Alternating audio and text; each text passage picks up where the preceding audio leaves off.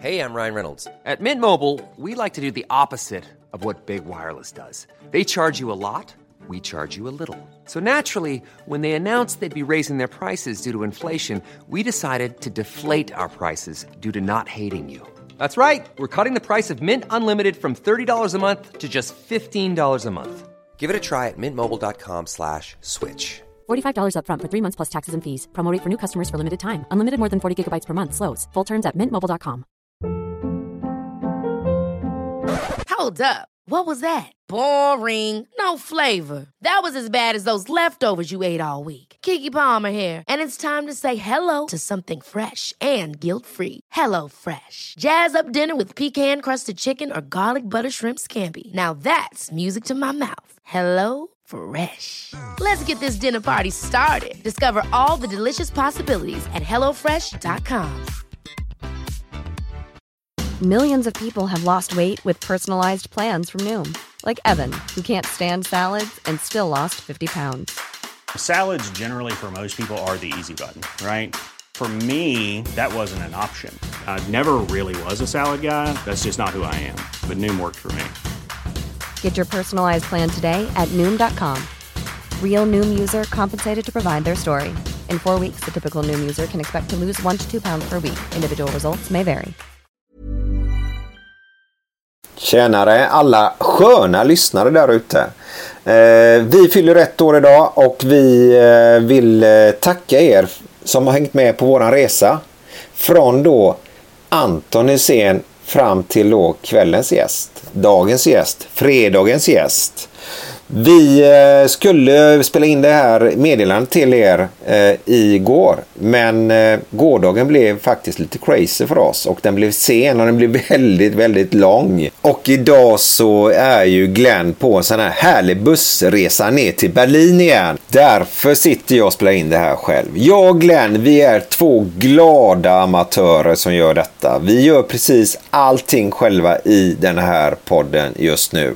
Eh, vi är är grymt tacksamma att ni lyssnar och vi hoppas att ni fortsätter att lyssna i alla fall. Tillsammans är vi starka som man säger. Det är en underbar klyscha som stämmer väldigt, väldigt bra faktiskt. Eh, vi vill skicka ett stort tack till Thomas Lanner där ute i Skinnskatteberg. Eh, Thomas Lanner Voice kan ni söka på på Facebook så kommer ni till rätt ställe och då kan ni få hjälp med, som vi fick, med våran jingel. Den har Thomas gjort. Eh, behöver ni ljud, röst och lite annan hjälp så gå in på Facebook-sidan Thomas Lanner Voice, kontakta honom så får ni all hjälp ni kan få. Nej, nu är det dags att dra igång programmet så eh, god lyssning på er och eh, Njut av livet. Efter när vi sätter första låten. Ja. Som du kan Glenn. Vad du menar Björn Rosenström menar? Bra. Mm. Eh, Ja, för det spelar inte på min platta då, era jävla nöt. jo, men vi gör det sista låten. Men sista jävla varenda. nöt, det kommer vara trivrig. Det kommer bli norra Europas mest sinnessjuka podd. Det kommer att vara alla handböcker hur ni inte gör Hur en ni podd. inte ska göra. Man skulle fan vilja till det inför vissa program. Ja, ja. Tänk Ja. på program på TV där man är lite halvpackad. Jules Donner, kommer du ihåg? Ja, ja, Han hade något program där han satt och söp i Ja. TV. Manberg? Ja. Och då ölade Glenn när den har blivit lite packad. Och så började han prata roligt. djupa grejer om Buddha och det.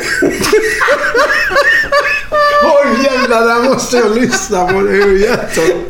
Men det är ju alltså det är taget från... Kör igång nu! Ja, ja, ja, jag satt prata. på. Så vet du vad? Helvete, du sitter och tjötar. Tjena, det var Glenn här. Vänta. Vilken jävla laddning! Och så gick det så fullständigt åt helvete. Sitter du och tjatar på mig för fan i en kvart. Och du har någon rolig slutgrej sen eller? Om honom? Nej. Nej. Nej. Nej. Ja, jag, Vi har ju kört nu i ja, jag, har, jag har historier och. Ja, ja, ja. Ja, jag, jag tänkte vad fan ska jag ha honom? Och honom! Nej, här är fullspikat. Ja, ja, men då kör vi. Ja, absolut. Nu är det fredag. Nu är det fredag! Nu är det götterna. götterna. Direkt från Göteborg. Med Micke Månaden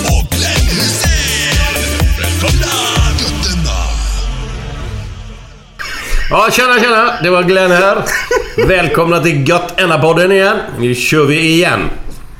Och denna Heter den veckan, Enna? då har vi en... Heter den Gött Enna? Kan du bara vara tyst lite? Det är våran gäst, han är väldigt ivrig. Vi stängde in han i ett skåp förut, men han slog sig ut våldsamt.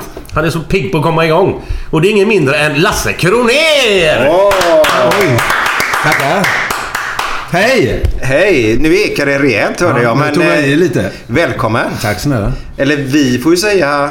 Ja, ni är välkomna. Så Ja. är det ju. Alltså, ni är välkomna hem till mig. Trevligt Jävligt fin lägenhet då, måste jag säga. Ja, ja, mysigt. Här är väldigt mysigt. Jättefint här, här, sitter jag, här sitter jag på mitt lilla torn som Rapunzel och släpper ut mitt hår och ingen jävel klättrar, kan man säga. sitter jag lite för mig själv här.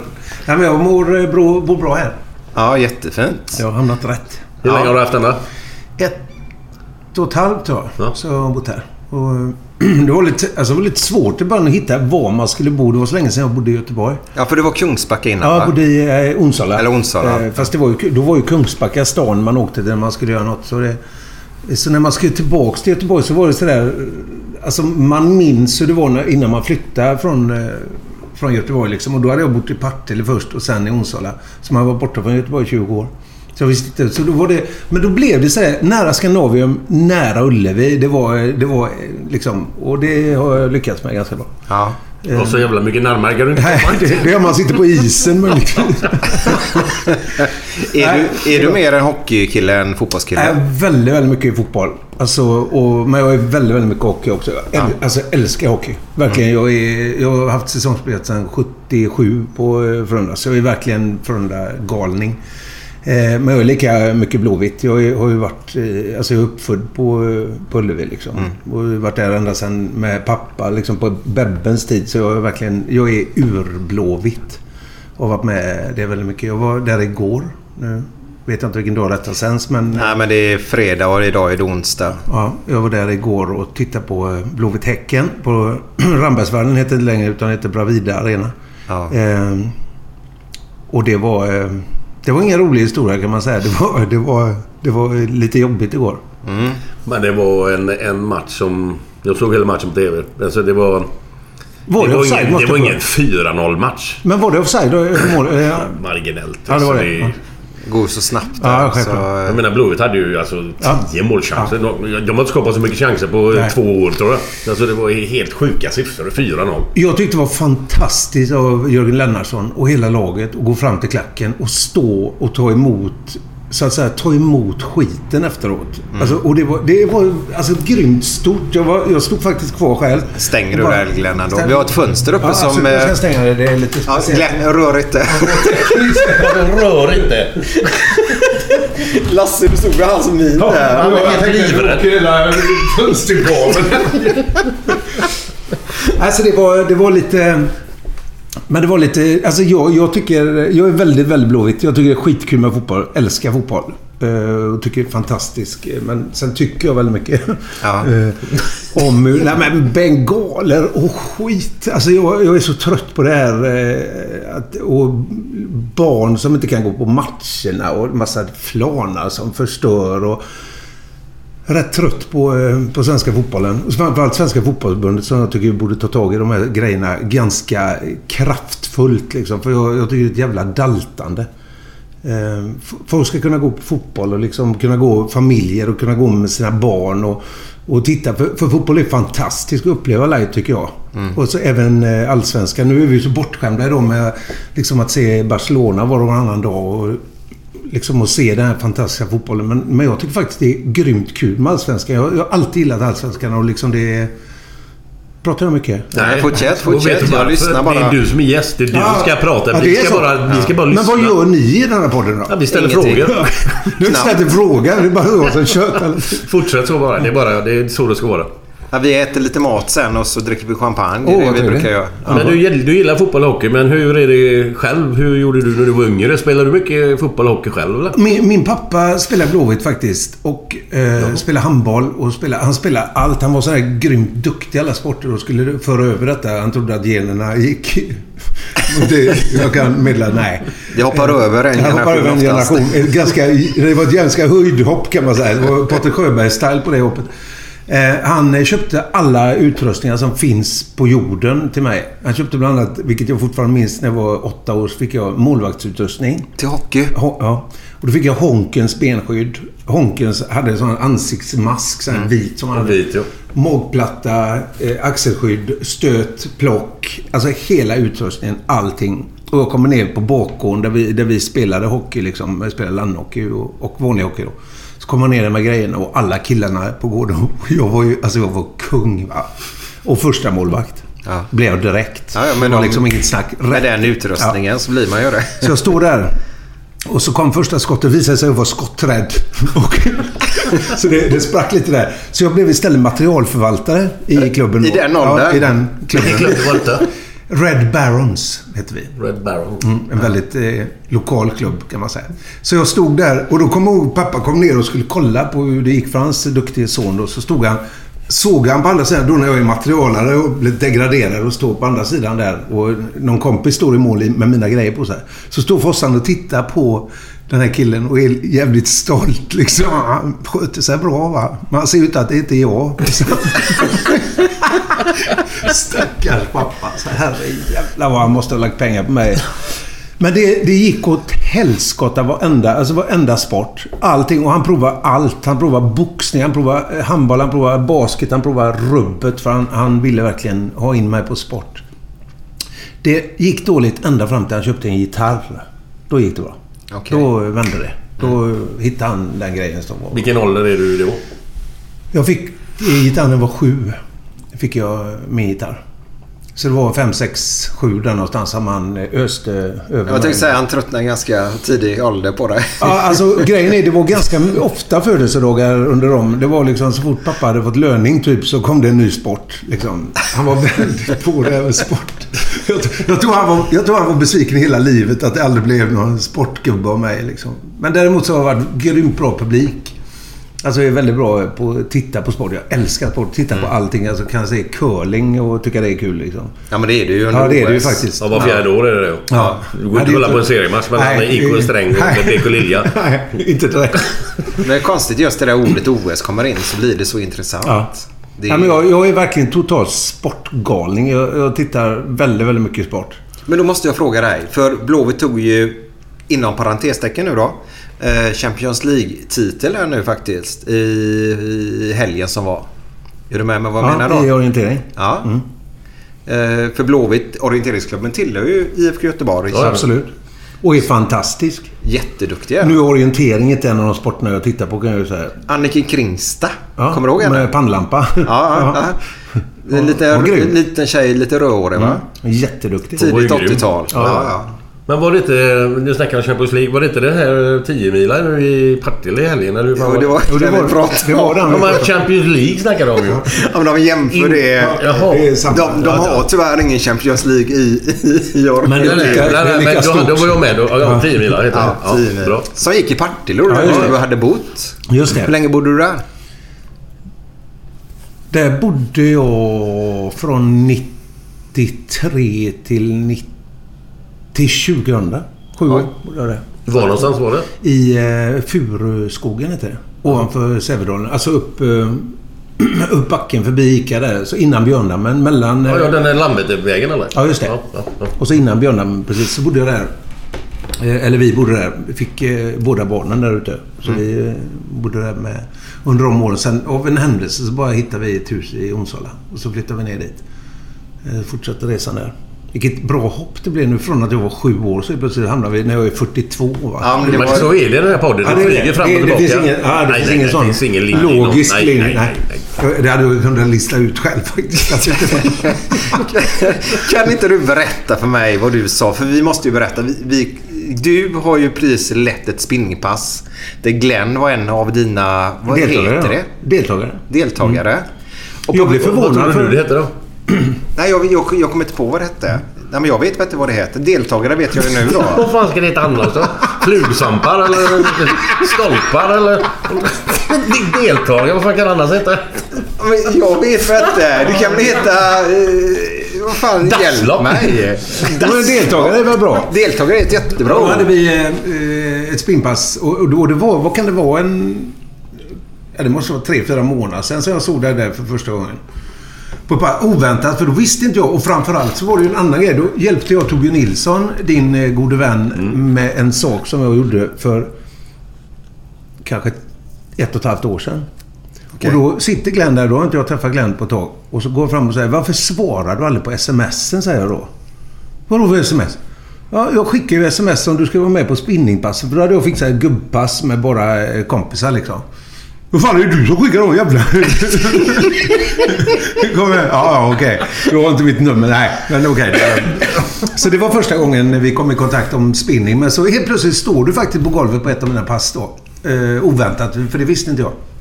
Och så har vi varit och gjort ett pass nu. Det är därför jag eftersvettas som en gris just nu. Eh, Och det gör inte du Glenn. Och undrar har du ingen motstånd på när du cyklar? Vad händer? Jag har ingen motstånd på. Exakt. Jag svettas som Det är bara... Jag svettas mycket i övrigt annars, men, eh, men nej. Jag brukar klara mig. Han Men då sa jag faktiskt till Glenn att han gjorde bra ifrån sig idag. För det gjorde du. Du gjorde Ja, det bra. väldigt bra. Jag tittade Ja, extra på det idag. Eftersom jag visste att vi skulle banda detta idag. Så ville jag ju recensera det som spinning. Förresten, innan jag Men glömmer du- det, Vad hette han som kom in med blå i ITF Göteborg? Vad heter han? Gammal... Den ljushårige som. Stefan Gison. Så hette han. Stefan Fan, Gison. Ju sett han hundra gånger. Jag kommer inte ihåg vad han hette. Han har eh, ett ställe som heter Gisons våning som Ja, han eh, ja. håller på med. Jävla bra kille. Ja. Han borde ni ha med här. But- Då, då kommer ingen i hela världen förstå vad ni pratar om. För då, då kommer alla... Och du pratar så mycket göteborgska så masturskökan veknar. Vad hette de två bröder? Eller? Tre bröder faktiskt. Tommy och... eh, Vad fan heter han? Tommy, Roger och eh, Stefan. Okej, okej. Men du sa ju en grej där hur jag kunde ha en podd ihop med Glenn. Ja, det var det du trodde. Det var Ja. det du menade. Jag trodde du menade att jag, att jag sa att, eh, att han var duktig. Nej, men jag sa att hur kan du ha en, en podd ihop med Glenn? Alltså det måste vara en omöjlighet att få tag i han. För jag har ju försökt få tag i dig på gånger och det är ungefär lättare att få tag i Margaret Thatcher nu. Ja, vad sa du? Alice Timander Ja, Alice. Timander och jag ska ha en podd. Det är lättare. Men har du skickat sms då, eller har du ringt? Jag har ringt och smsat För jag har inte haft ditt telefonnummer förut i, in, så, så det står Lasse när man ringer. nej. Det kan ju stå, det kan ju vara vilket jävla nummer som helst. Och det är ju liksom Men om man då mässar och skriver under med sitt namn, Ja. kan man inte då fatta att det är jag? Jo, det har jag väl svarat på. ja, det har du faktiskt gjort. Nu det senaste har du svarat. Vi har ju varit i kontakt lite grann där. För du sa ju att du hade en grej där till Glenn. Ja, just det. Mm. Och... Ja! Ja. Och det, nu, nu kan det faktiskt bli på ovänskap här på riktigt. Okej, det här är ja. roligt på riktigt. Nu måste, den måste jag fan Hämta den så kan jag berätta för dig då att jag, när vi klipper inte, men att jag försökte ju verkligen få tag i Glenn. Men då var han ju i sin hamburgerresa där. Och jag fick ju bara tummen upp hela tiden. Och det, att jag ska få göra detta nu, detta kan vara det roligaste någonsin. Så jag försökte Lasse faktiskt. Så om ni, nu sitter Lasse med en sån där padda kallas det va? Och ska hitta Ja, det var den största paddan jag har sett faktiskt. Här. Nu kommer han runt med grejerna. Jag ska se vad som händer. Där jag ska läsa detta. Jaha, okej. Nu är det så här. Nu är det så här. Nu, nu får du inte bli arg Glenn, men detta... Arg? detta ska jag bli faktiskt- arg för? Jo, det, det vet du inte. Då är det så här för er som bor i utkanten av Göteborg så är det så här att varje vecka så har Glenn en krönika i GT. Eh, eller varje, varje fredag. Varje fredag, Varje fredag. ja. Och när vi jobbade på Lorensbergsteatern gjorde vi familjen Adams. Då eh, gick jag till mikrofonen som då är skvallret på Lorensbergsteatern när vi värmde upp. Och så läste jag fredagskrönikan i, i, för att alla skulle få höra krönikan. Och det här, var, det här var den krönikan som alla gillade bäst. Och då läste jag den på följande sätt. Glenn Hysén-sätt som jag kallar det. Då heter den så här. Tio goa filmer du inte får missa. Jag går inte på bio för att gå därifrån gråtande eller deppig. Man ska må bra när man ser en film. Det finns ju filmer som Kramer mot Kramer med Dustin Hoffman och Meryl Streep. En tragedi och ett skilsmässodrama. De är grymma skådespelare. Men vad fan är det att gå och titta på? Häromdagen satt jag och kollade på Guldbaggegalan och nu tänkte jag lista de tio bästa filmerna genom tiderna enligt mig. Förvänta er ingen depp. Sen hoppar jag lite. Plats nummer 10. Hajen. Alltså det är... Jag ska inte läsa hela men det är så jävla roligt. Den, den har jag med mig på scen ibland och läser. Faktiskt. Ju 10. fort- Hajen! Vi måste ju höra vilka tio filmer det är i alla fall. Det räcker där. Det är roligt nog där. Det går inte att göra det roliga. Alltså börja... Ja, det är jätteroligt. Ja, det är väldigt roligt Glenn. Den, den, eh, den har Vad är- skrattat- Jag fattar inte vad jag ska bli förbannad för bara. Nej, det är bara... Sen har du i och för sig på nionde plats Gran Torino med Clint Eastwood. Också väldigt bra. Åtta Örnästet, sju Deer Hunter, sex Pride and Glory. Eh, Femma är Seven. Fyra Gladiator. Tre Exorcist. Hur fan tänkte du nu? Två Gudfadern. Och sen etta När lammen tystnar. Det är ju inte, det är ju ingen... Du sitter ju inte och håller handen här direkt. Nej. Alltså det är ingen Nej. pussa puss här. Nej, det fan, nej, så kan man göra hemma. Ja, exakt. Men det är tre Exorcisten, tia Hajen, den första. Ja, de andra är ju skit. Så det här har jag roat mig med på din bekostnad. Men det är Ja, det är bara kul. Ja, det gläder mig. Så det var vad jag ville göra. Hej då! Ja, underbart, underbart. Men vi var inne lite grann på träning där och cykling. Du måste förklara för mig. Eh, hur kommer det sig att du blev spinningsinstruktör? Alltså det där är en ganska lång resa. Jag, jag var ju alltså för, vad är det, 15 år sedan eller något sånt här, 20 kanske det är nu. 15. Så var jag fruktansvärt stor. Alltså jag, var, nu, jag är fortfarande stor, men då vägde jag nog 130 kilo eller något sånt. Jag var som en sån buld. Bara. Michelin-gubbe. Ja, faktiskt. Riktigt stor. Och så började jag prata med en, en av mina bästa kompisar. Som är läkare uppe på Sahlgrenska. Och fantastisk kille. Så skulle vi inte göra det och spinna ihop? Det, det var en ny grej som kommit. Detta var nog 20 Ja, det är nog år sedan. 20 va? år sedan är det nog. Ska vi inte göra det ihop liksom? Ja, så tog han på sig detta och, och fixade det. Och jag kom dit och jag kommer ihåg att jag kom upp på den här cykeln och så spinnade en låt och sen gick jag rätt ut och bara... Alltså jag bara spydde. Jag var helt, helt borta. Jag hade så dålig kondis. Jag kunde inte gå till taxin. Va? Så dålig kondis. Var du så stor alltså? Ja, och så hade jag fruktansvärt dålig kondition. Alltså, jag hade bra kondition, vilket är ganska konstigt. För ofta när man är på scen så har man bra kondition. Alltså då kan man göra hur mycket som helst och tempo. Man kan hoppa och dansa och ändå sjunga och klara av det. Men just i vanlig träning hade jag ju aldrig sysslat med i hela mitt liv. Jag liksom vägrar gå och du vet. Alltså, jag har aldrig tränat. Och så kom det här, så helt plötsligt när jag hade gjort det så märkte jag att fan, alltså fortsätter inte jag med detta nu. Jag, jag är ju så dålig i shape så jag kommer, jag kommer ju dö innan jag är 40 liksom. Det här går ju inte va. Så då bestämde jag mig att jag ska gå varje vecka då. Och naturligtvis så blir det ju bättre och bättre. Eh, Så jag fick ju bättre och bättre kondition och till slut så började man gå på flera pass i veckan och så... Och till slut tyckte, började, alltså så blev det som ett gift, vilket då träning ofta blir. Och när det väl hade blivit ett gift så blev jag ju helt vansinnig på musiken de spelade eftersom jag tyckte de spelade helt värdelös musik. Och då fanns det ju bara ett sätt att ändra detta. Om jag ska få bestämma musik så måste jag sitta där, där fram. Så det var därför jag blev instruktör. Jaha, du ville bestämma det Ja, med? jag vill, nej, men jag vill bestämma musiken. Inte det med. Men, men musiken var, är viktig liksom. Och så framförallt så är det viktigt när man går på sprintpass att, att man cyklar i takt. Jag är så fruktansvärt trött när man sitter på ett pass och de inte cyklar i takt. Och då, det blev jag vansinnig på. Det kan vi berätta då för lyssnarna att det säger du varje gång. Ja, är det någon som inte det. cyklar i takt så Glenn, vad säger han då? Då åker ni ut härifrån. Rätt ut. Ja. Inget jävla tjafs. Ingen tjafs. Ingen jävla handskar emellan. Eller Men det är ju väldigt skönt att trampa i takt faktiskt. Så det är ju det det går ut på. Men hur bra länge sedan är detta tror du? Hur länge har du kört det här? Vad kan det vara? Alltså kan det vara 97? Ja, jag menar som ja, det är nog 20 år sedan. Som instruktör alltså? Ja, det är nog 90... 98. 2000, nej 2001 någonstans jag. Ja. Det var under Bingolotto-tiden, vet jag. Okej. Som, eh, som började med det. Så det, och det har varit väldigt, väldigt nyttigt för mig. Och det har varit... Eh, alltså för mig tror jag det har varit avgörande att man, att man orkat. Framförallt så har jag alltid hållit väldigt högt tempo i arbetsmässigt. Jag har ju alltid gjort extremt mycket och liksom haft turen att få, att få jobba väldigt mycket. Alltså både med TV och väldigt mycket med sceniska grejer och med föreställningar och allt sånt där. Och då... Då måste du ha liksom kondis. Alltså du måste fixa det. Och jag tror inte jag hade fixat det om inte jag hade tränat så pass mycket som jag har gjort. Liksom. Sen, sen alltså träna så pass mycket. Jag menar... Det Nej, men förhållandevis. Men alltså till, till vad jag är för en. Ja, liksom. ja. Eftersom inte jag kommer från, från den, delen alltså. Nej, och, inte, och ingen löpning och sånt. Utan Nej, det är cykling. Ja. Nej, ja, alltså väldigt mycket gång. Om man, inte sån gång nu, men, men alltså ut och går väldigt mycket. Men, men springa har jag liksom aldrig... Jag har aldrig fått till det riktigt. Cyklar väldigt mycket. Mm. Brukar jag cykla...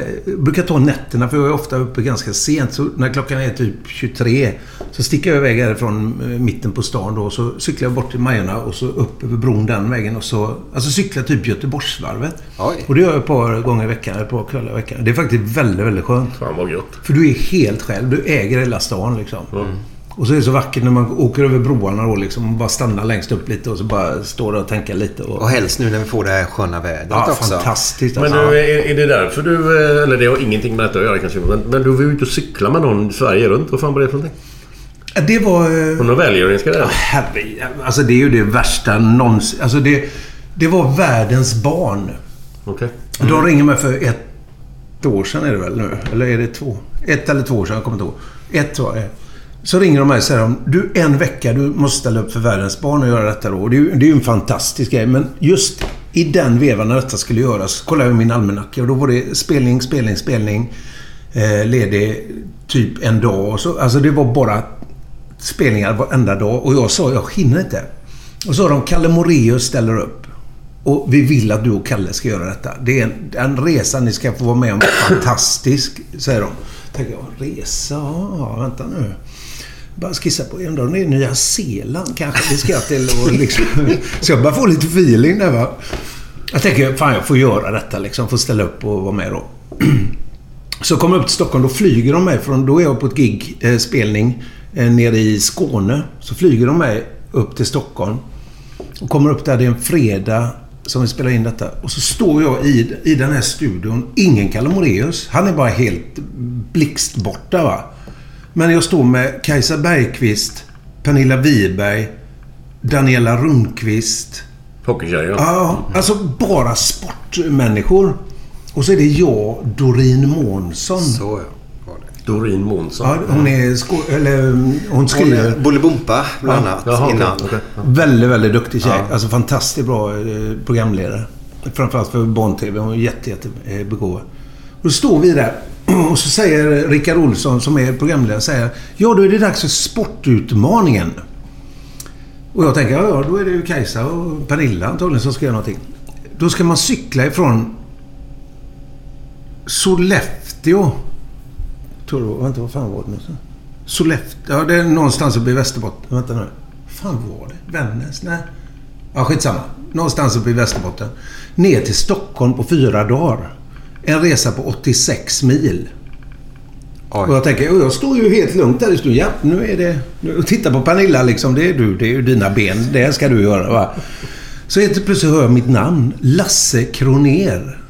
Och Doreen Månsson. Då ska vi cykla på en tandemcykel med en sån här rickshaw bakom. Du vet en sån här som de... Eh, alltså detta är då för att visa att barnen då... Barnarbete. Och så ska vi ha den här 75 kilos rickshawn då. Och så får vi med oss Bernt Johansson, eh, VM-guld i, i eh, Montreal 76. OS-guld, förlåt. Och så kommer vi upp där. Och jag kommer in på hotellrummet för då flyger, flyger de ner mig till Skåne för jag har ett annat gig. Och så sen flyger de upp mig till Sollefteå. Det är inte Sollefteå, det är någon annanstans. Skitsamma, det är, vi låtsas att det är Sollefteå. Och så upp där, kommer in på hotellrummet ganska sent. Kommer in på rummet. Och bara lägger mig. Och jag vet att jag ska upp liksom 4.30. Och 04.30 brukar jag lägga mig. Men då ska jag upp. Och så ska jag framförallt i cykelkläder. Så jag vaknar upp där på morgonen efter det ringer överallt. Och så öppnar jag den här lådan och så är det någon smart huvud på SVT som inte fattar att jag har över medium va. Så jag får på mig de här kläderna som sitter ungefär som Barbapappa på mig. Och det är liksom totalt... Och får på mig det här och cykelhjälm och de här tajta byxorna. Och så kommer jag ut där till de andra och de bara tittar på mig. Vad är detta? Sen sätter vi oss på tandemen och så cyklade vi 19 mil första dagen till Vilhelmina. Och jag lovar dig alltså. Sen cyklade vi de övriga milen då ner till Stockholm. Det var fantastiskt. Att cykla genom Stockholm. Då hade de stängt av motorvägen och Bernt Johansson jämte och man cyklade med poliseskort upp till TV-huset. Det var helt otroligt. Men, och vi hade fixat det, för det gjorde vi faktiskt. Eh, men du vet, alltså den apparaten man har och använder till eh, att urinera med. den kan jag säga, den var ju väck en fem, sex månader. Alltså. Det var ju inte... Ja, vänta nu. Det, det var detta. Jag, jag men sa du ju det. frågar mig det. Jag har ingen jävla Jag har aning. för mig att du hade sagt det till mig. Nej, nämligen. nej, nej. Kan, kan inte du berätta? För jag har ju hört rykten om detta. Jag menar på att jag hade sagt till honom att din penis hade försvunnit. Att jag hade sagt det till honom. Den Jag försvann gjorde den inte, men, men den fungerar inte. Alltså man, total, man tappar... To, eller jag gjorde det. Jag vet inte om alla, alla cyklister... Det lät ju också lite snyggt. Ja, alla cyklister. Ja, men om, om detta är någonting som händer cyklister. Men för mig hände det... Alltså det var bara... Det var bara en, en vibrering. Alltså det var bara, du vet, man kände inte om man gick och kissade liksom. Kände inte. Du, det- alltså du hade tappat totalt känseln. Och så pratade jag, för jag gick ju naturligtvis efter ett tag, när det hade varit så i någon månad, så var jag tvungen att gå till eh, gyn liksom. Och prata. Vad, vad, vad händer liksom? Alltså så här är det ju inte så jävla roligt att leva. Framförallt när man är nybliven singel. Nej, framförallt inte då. Nej, framförallt inte då. Annars är det okej. Ja, men jag, så frågade han, men då sa han att det är vanligt bland cyklister då. Alltså även om man gör mycket, för mycket spinning då sa han faktiskt att det är... Men sen rättade det till sig. Sen blev det ordning och reda. Kommer de med klämnerverna typ? Ja, det, eller- det är något eller sånt där. Du sitter ju... Fan, 19 mil. Jo, alltså otränad. De backarna. Alltså den backen upp till Vilhelmina som börjar då typ... Kanske en halv mil innan när du har den här rikshan på 75 kilo bakom dig och Doreen Månsson som inte trampar ihjäl sig. Eh, och så upp där till där. Alltså jag, jag var helt slut alltså. Ja, men du, sa det, du sa det just när du kom till Stockholm där med skott och så. Det kan jag ju tänka mig att fan, då går det av sig själv. Men den där jävla skiten emellan där som här, de här två dagarna emellan där. Men, men samtidigt så är det konstiga. Alltså för vår, Västerbotten är ett av mina favoritlandskap i Sverige. Det, det är så ofantligt vackert. Och du cyklar där, alltså en morgon, en höstmorgon, för det var höst liksom. Och det, det, vi hade ju sån tur. Det var ju fantastiskt väder hela veckan. Och du cyklar och Bernt Johansson är med och liksom pushar dig. Bernt Johansson var ju en sån människa som man bara... Han vill man ju lägga i, i klorofyll eller något. Nej, inte klorofyll. klorofyll. Vad fan ska hända? Ja, exakt. Ja, men han vill bara ha han i... Han, han ska bara sitta i soffan igen. För det är en sån snubbe liksom. Han var så fantastiskt god människa liksom. Och så bara... Alltså du blev... Du kom in i det här. Du kom in i någon... eh, Alltså det var som meditation på något sätt. Det var, det var en fantastisk vecka. Sist efter två, tre dagar. Tredje dagen när vi cyklade till Gävle, kommer jag ihåg. Då när vi kom fram till Gävle, då hade vi gjort 21 mil. Och då kände jag... Ja, fan, vi, vi kör. Alltså vi, vi drar på nu. Vi, vi tar fem mil till. Kom igen liksom. Va? Alltså så... Man blev så... Det blev någon grej i huvudet. Blev- Var hon likadan? Men- var Jag vet lyssnar hon på podden nu? så- Nej, det är lugnt. Ingen lyssnar. Nu måste jag få snus. Nu ska jag spotta ut snus. Jag har hört eh, att du inte snusar innan 12 på dagarna. Stämmer det? Nej, det gör jag inte. Men jag tar igen det efteråt. Nej, det gör jag inte. Vad var svaret på frågan? Eh, han tar igen det efteråt. Efter 12 ja. Ja. Så han snusar inte innan 12? Nej. Stämmer det Lasse? Ja, det stämmer. Ja. Jag måste ha kaffe också. Det får man göra i va? Det är inget sånt... eh, Nej, nej, nej, nej. Nej, nej, nej, nej. Det märker du att du får lov att göra. Nej, men jag, jag har en sån där grej för jag snusar så mycket. För jag snusar faktiskt väldigt mycket. Men så därför tänkte jag att då vilar man läppen fram till 12. Så innan 12 ska man ju inte helst träffa mig. Då, då rinner det hela eh, ansiktet liksom. Saliv och du vet man är helt... Vilken tid går du upp på dagarna ungefär? Cirkus? Alltså mellan... Fem i tolv. Ja, fem i... Ja, precis. Nej, men mellan eh, 9 och 10 går jag upp. Ja. För jag, och jag är ofta uppe väldigt, väldigt sent på nätterna. Jag sitter nästan alltid och jobbar på nätterna. ja, du sa det. Du sitter och skriver oftast Mm. fram till 3-4 till och med. Ja, men jag, det, jag har ju en annan... Alltså ofta är det så här att man... När man är på ett gig, en spelning, förlåt, gig säger vi. Eh, när man är, I branschen. I branschen. När man, när man är på en spelning så är det ofta att... Eh, är det under 30 mil så åker jag nästan alltid hem. För jag, jag är så trött på liksom, den hotellgrejen. Liksom. Så då är det mycket skönare att åka hem. Och jag är väldigt sån, kör gärna bil. Och, och så gillar jag att lyssna på talböcker. Så då sätter man på en talbok och så åker man hem. Och då kanske man är klar 12 typ eh, på spelningen. Liksom. Och då är man hemma tre någonstans. Och, och då... Alltså då hamnar man lätt i den. Har jag två, tre gig i veckan, liksom, vilket jag oftast har, så blir man i den snurren att man, att man lever på den tiden. Liksom. Ja. Och så har du inga småbarn hemma heller. Nej, Så och mina tjejer är stora liksom. Ja. Och de, de behöver ingen passning liksom. Nej. Så det, det är lugnt. Men det, men det du skriver säger du. Är det sånt som du ska, om du ska vara programledare för ett program, så skriver du ner vad som ska sägas och sådär? Eller, eller skriver du musik och sånt där också? Eller, Ja, alltså det, det kan vara lite olika. Som det är, just nu så är det väldigt mycket inför Doobidoo. Då, då skriver jag all manus. Alltså allt som ska hända i programmet. Alla frågor som ska komma. All, alla roliga saker som alla, alla liksom uppstudsgrejer. Jag, jag har märkt att så här jobbar ju ingen annan programledare. För det gör de inte liksom. Eh, Men jag har märkt så för mig att ju mer jag har skrivit och ju bättre förberedd jag är, ju mer kan jag släppa manuset och bara köra. Och bara vara improvisativ liksom och improvisera istället. Sen blir det ju att man sitter och skriver musik när, när den...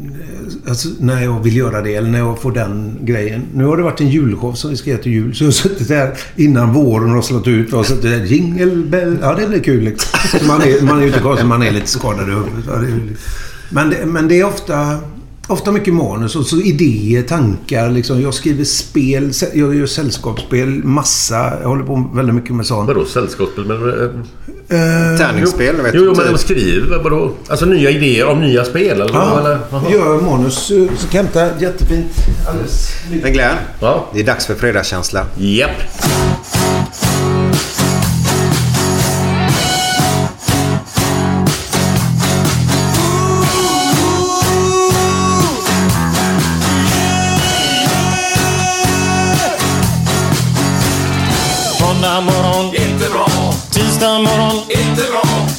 Onsdag morgon, inte bra. Torsdag morgon, det är inte bra.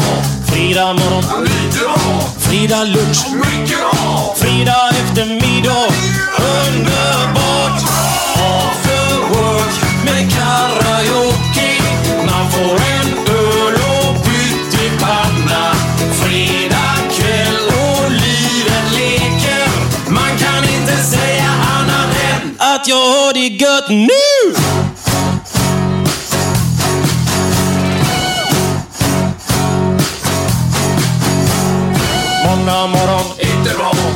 Tisdag morgon, inte bra. Onsdag morgon, inte bra.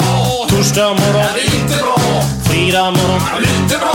Fredag lunch, mycket bra. Fredag eftermiddag, underbart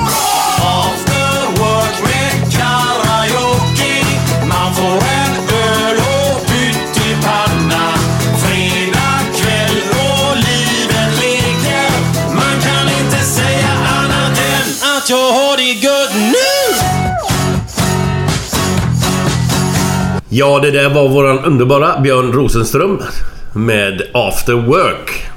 Fantastisk låt. Har du hört den? då? Jag har inte hört den låten, men jag har hört eh, Björn naturligtvis. Ja. Sköning. Ja, Jävla fantastisk. trevlig kille. Underbar. Ja, rejält. Suverän. Jag har försökt få med honom i dopet på men han eh, vill inte riktigt åt det hållet. Han, eh, han är nöjd med sitt... Han, han, har, han har hittat en helt egen linje, vilket är, vilket är väldigt få förunnat i den här branschen. Han har verkligen hittat sitt eget, eh, sitt eget språk, sitt eget sätt och sitt eget sätt att få ut sitt material. Och han, är, han är jätteskön snubbe tycker jag. Ja, vi hade honom faktiskt som gäst för hade typ det, okej. fyra veckor sedan nu. Ja, kanon. Jävla Eh, rolig. Ja, Ja. helt suverän. Och just som du säger, han var väldigt noga med det att han vill inte få massa folk som bara köpte hans skiva utan han ville ha folk som köper skivan och lyssnar Mm. på den. Alltså, han, han, han körde ju det. Ja, han, har, han har en helt egen idé om detta, vilket är skitskönt. Och allting är bara sådär Mm. i hans liv då va. Det är görhäftigt. Ja, väldigt bra. Men du får köta på honom. För då får Ja, ni ju det, garva lite. lite. Men, Ja. men ofta är det så med, med den typen av artister som känner att man inte att man inte vill, så att säga, eller att man inte passar i formen. Då blir ju väldigt mycket... Alltså då blir ju ett väldigt stort tv-program. Det är ju liksom tredje största programmet i Sverige eh, tittningsmässigt. Så det är ju... För det första ska man vara med så måste man vilja vara med. Och ska man vara med så måste man våga och kunna vara sig själv.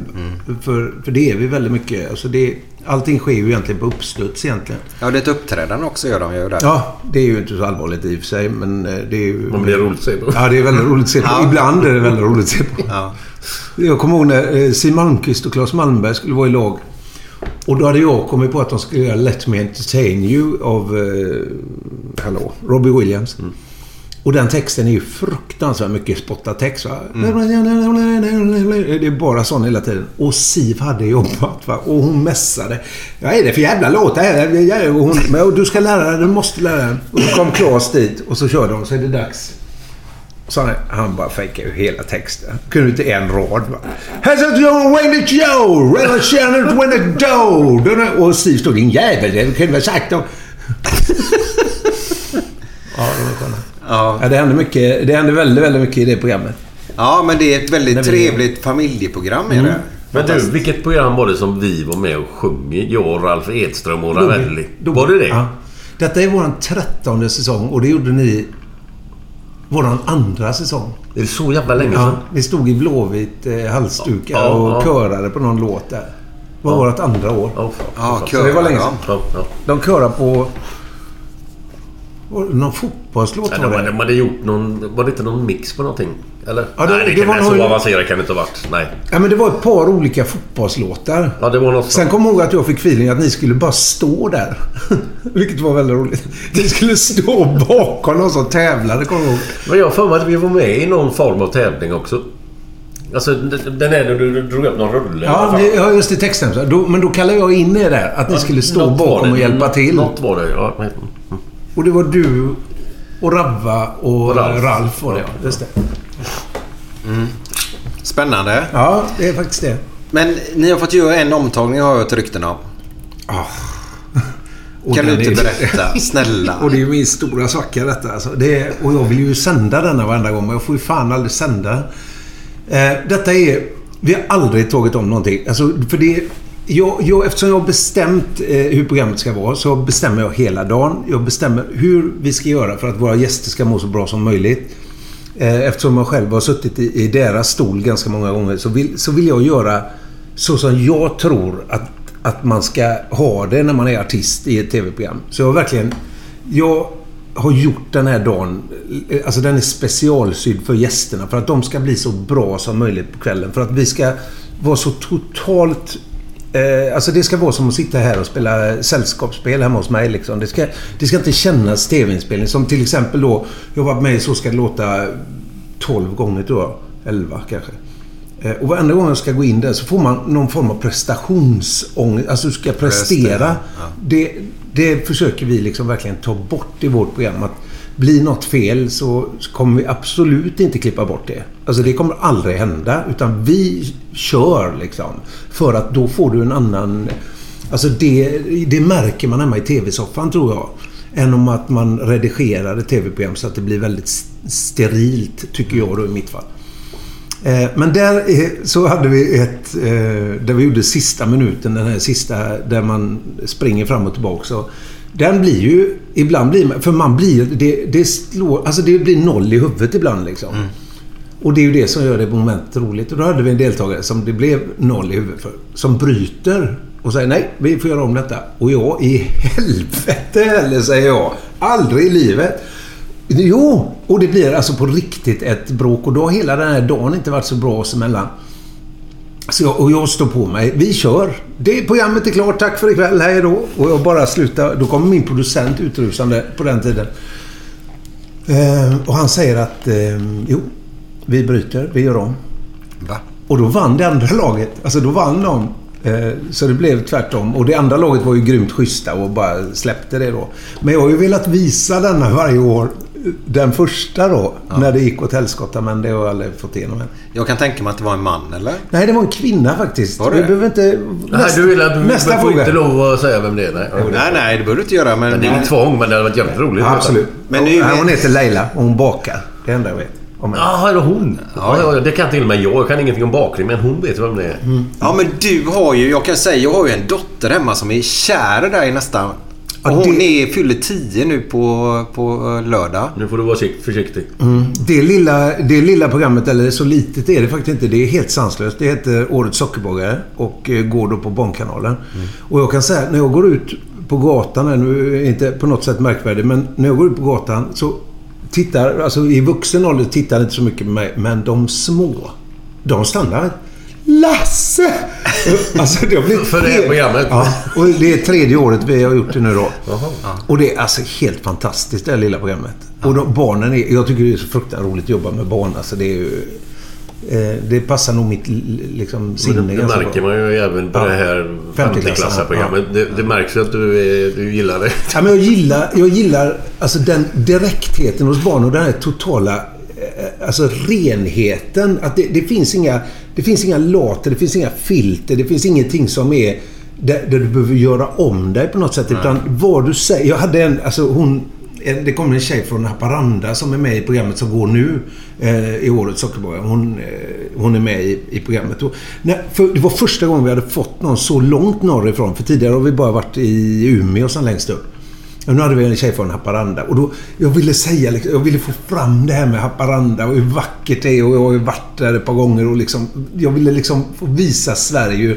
Så jag frågade, vad har, alltså, vad har ni där uppe? Alltså berätta, vad, vad är det ni har som till exempel inte vi har här nere? Ica Maxi. och du vet, jag dog. Va? Det är liksom... ja, de, är, de är underbara. Och då, I eh, Sockerbagaren då så är, så är de lite yngre dessutom. Där är de från sju år. Ja. Och den åldern när man är sju år va, och är med i en tävling som inte är utslagstävling, ingen sån här TV4-tjafs. Utan här är det liksom alla är kvar, alla är med hela tiden. Liksom.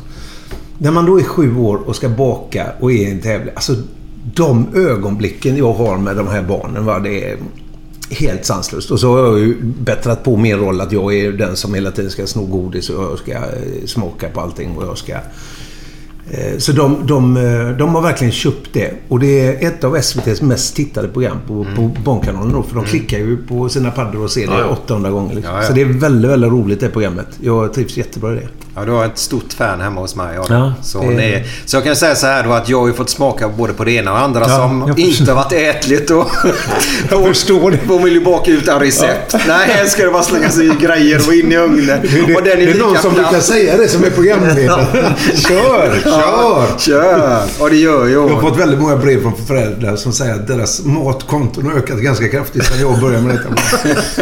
Och då ska ICA vara glada. Ja, exakt. Ja, det, det, är faktiskt, alltså det är väldigt mycket kärlek i det programmet. Det är ett sånt där... eh, Det, det är ett sånt där program som jag gjorde... Alltså jag, när jag tackade ja så var det liksom... Ska jag, ska jag göra barnprogram? Jag har aldrig gjort det liksom. Men det var, det var verkligen... Alltså jag brinner verkligen för det programmet. Nu gör vi tyvärr inget i år just då. Okej. För de har ett litet uppehåll på det. Men, eh, men det är sådär helt magiskt. Alltså det är fruktansvärt roligt att jobba med barn. Alltså det, det kommer jag absolut fortsätta göra i någon form. Är det något annat program som man inte kanske känner till så jävla väl? Nu känner man ju till de flesta som du Men Glenn, med i. Glenn, Men- öppna nu. Vi måste ha fram Ja, ja, champagnen kör här nu. här. Är det champagne? Ja, ja, Ska jag hämta champagneglas? Ja, det tycker Eller jag. tar vi flaskan som Vi tar vanligt? flaskan Jag som skickar runt Så bara upp nu så inte den smäller ett tag. Jag, är så, jag har 50-årskalas i helgen förresten. Vet du vad vi pratar om, vi män mest? Nej. Sex. Hår... Nej. Hårbeklädnad på våra kroppar. Vart vi rakar oss och inte rakar oss. Nu, nu kommer den. Är det någonting som är ömtåligt där inne? Ja, allt. Allt. Framförallt mitt huvud! Och känna rätt i... Jag slog i taket och rätt i huvudet. Jävlar, jag skulle filma. Den var grym. Shit. Hur fan... Sorry, det var Nej, det var fantastiskt. Glenn, är det något som är dyrt? Så drar du den i huvudet bara. Ja, den satt bra. Ja, vi fyller ett år idag. Vet du vad det roligaste är Glenn? Nej. Exakt den här dagen, onsdagen, fast förra året då naturligtvis, så spelade jag min första avsnitt med din son Anton. Ja, Det var stämmer. första gästen. Ja. Ja, och det var på en onsdag. Fast det var mycket tidigare, för vi sitter ju ganska sent här nu. Eller sent, klockan är nio på kvällen. Ja. Eh, och sen på fredag släppte första avsnittet. Så vi firar ett år. ja. Grattis får jag säga då. Tack. Ja, tack. vi- Hur många gäster har ni haft då? Hur många program har ni gjort? Är det 43 eller vad fan är det? Ja, du är gäst 42 då. Så eh, det har varit lite, som jag berättade på vägen, lite sjukdomar ibland då. Det ska vi inte hålla på och upprepa hur många gånger som helst. Och så har det, ja, det varit lite bortfall Kanske- ibland då. Kanske, Men, kan, kanske kan bli så att jag jävlas för nästa vecka också då. ja, det hoppas Jag ska jag. till Berlin nu. Eh, men Glenn, Ja. jag, jag har ju inte berättat faktiskt. För vet du vad? På detta året så har jag blivit en mycket bättre människa.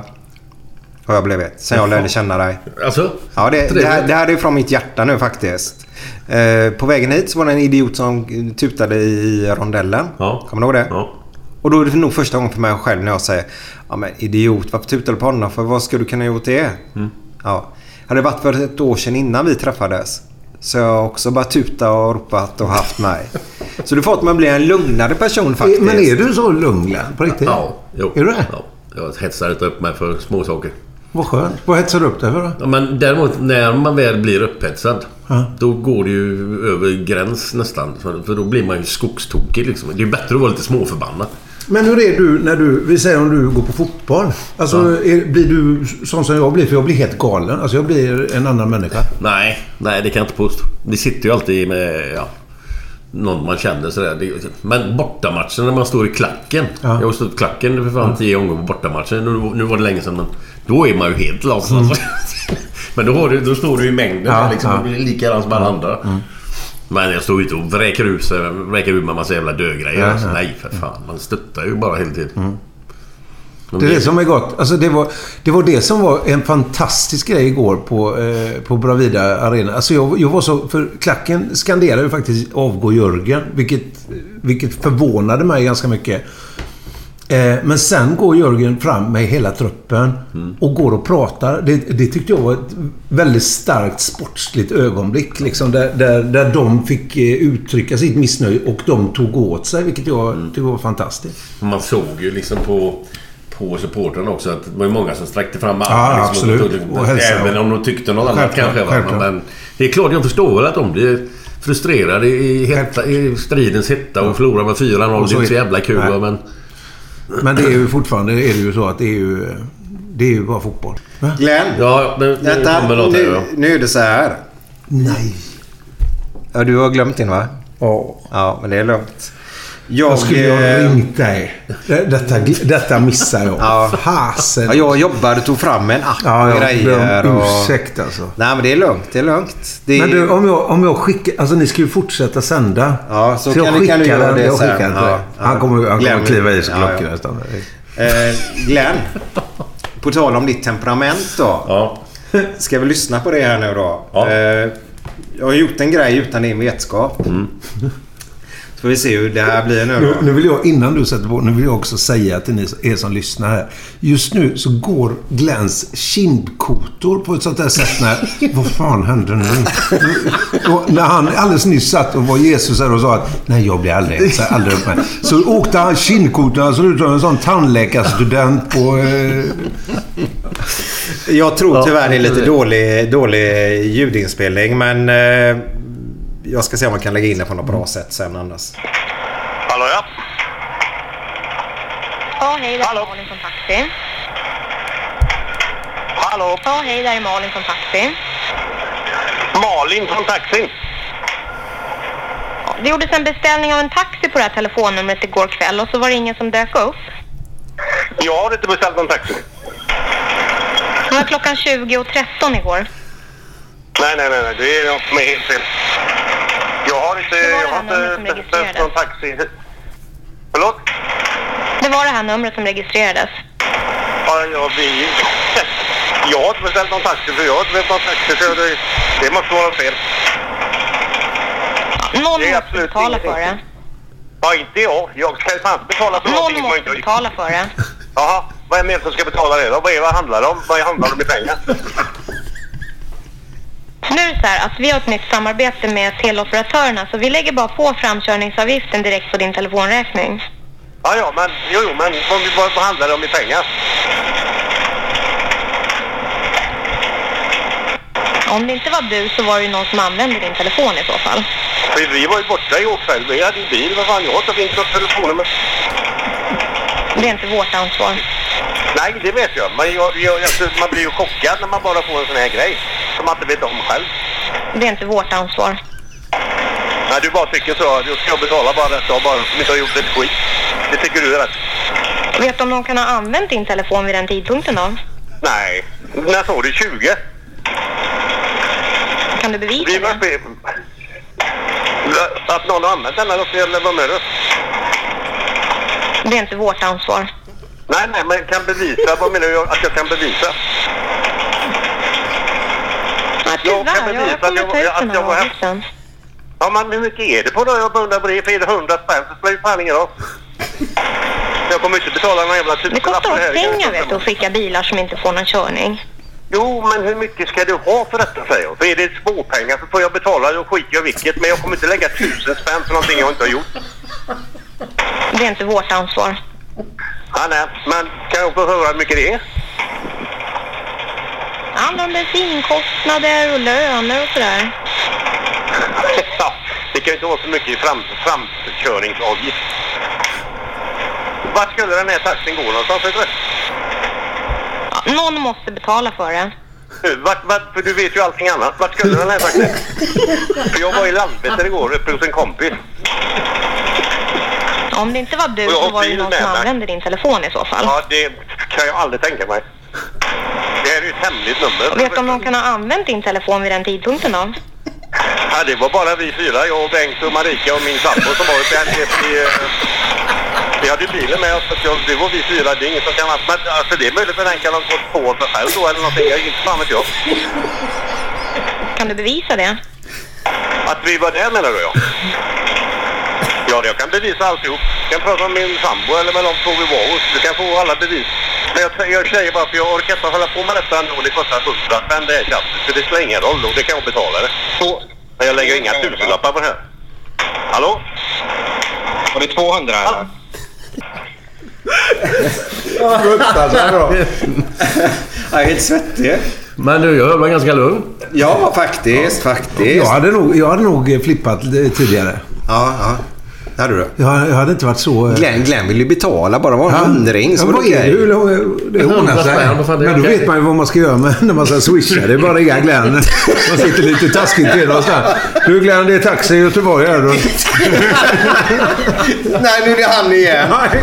Men du, Lasse, jag måste fråga dig en fråga. För det, det är så roligt, du vet, vi pratade om smsen förut där med, med Glenn och han inte visste eh, Eh, helt enkelt eh, vem det var som hade eh, smsat fast det stod ditt namn under då.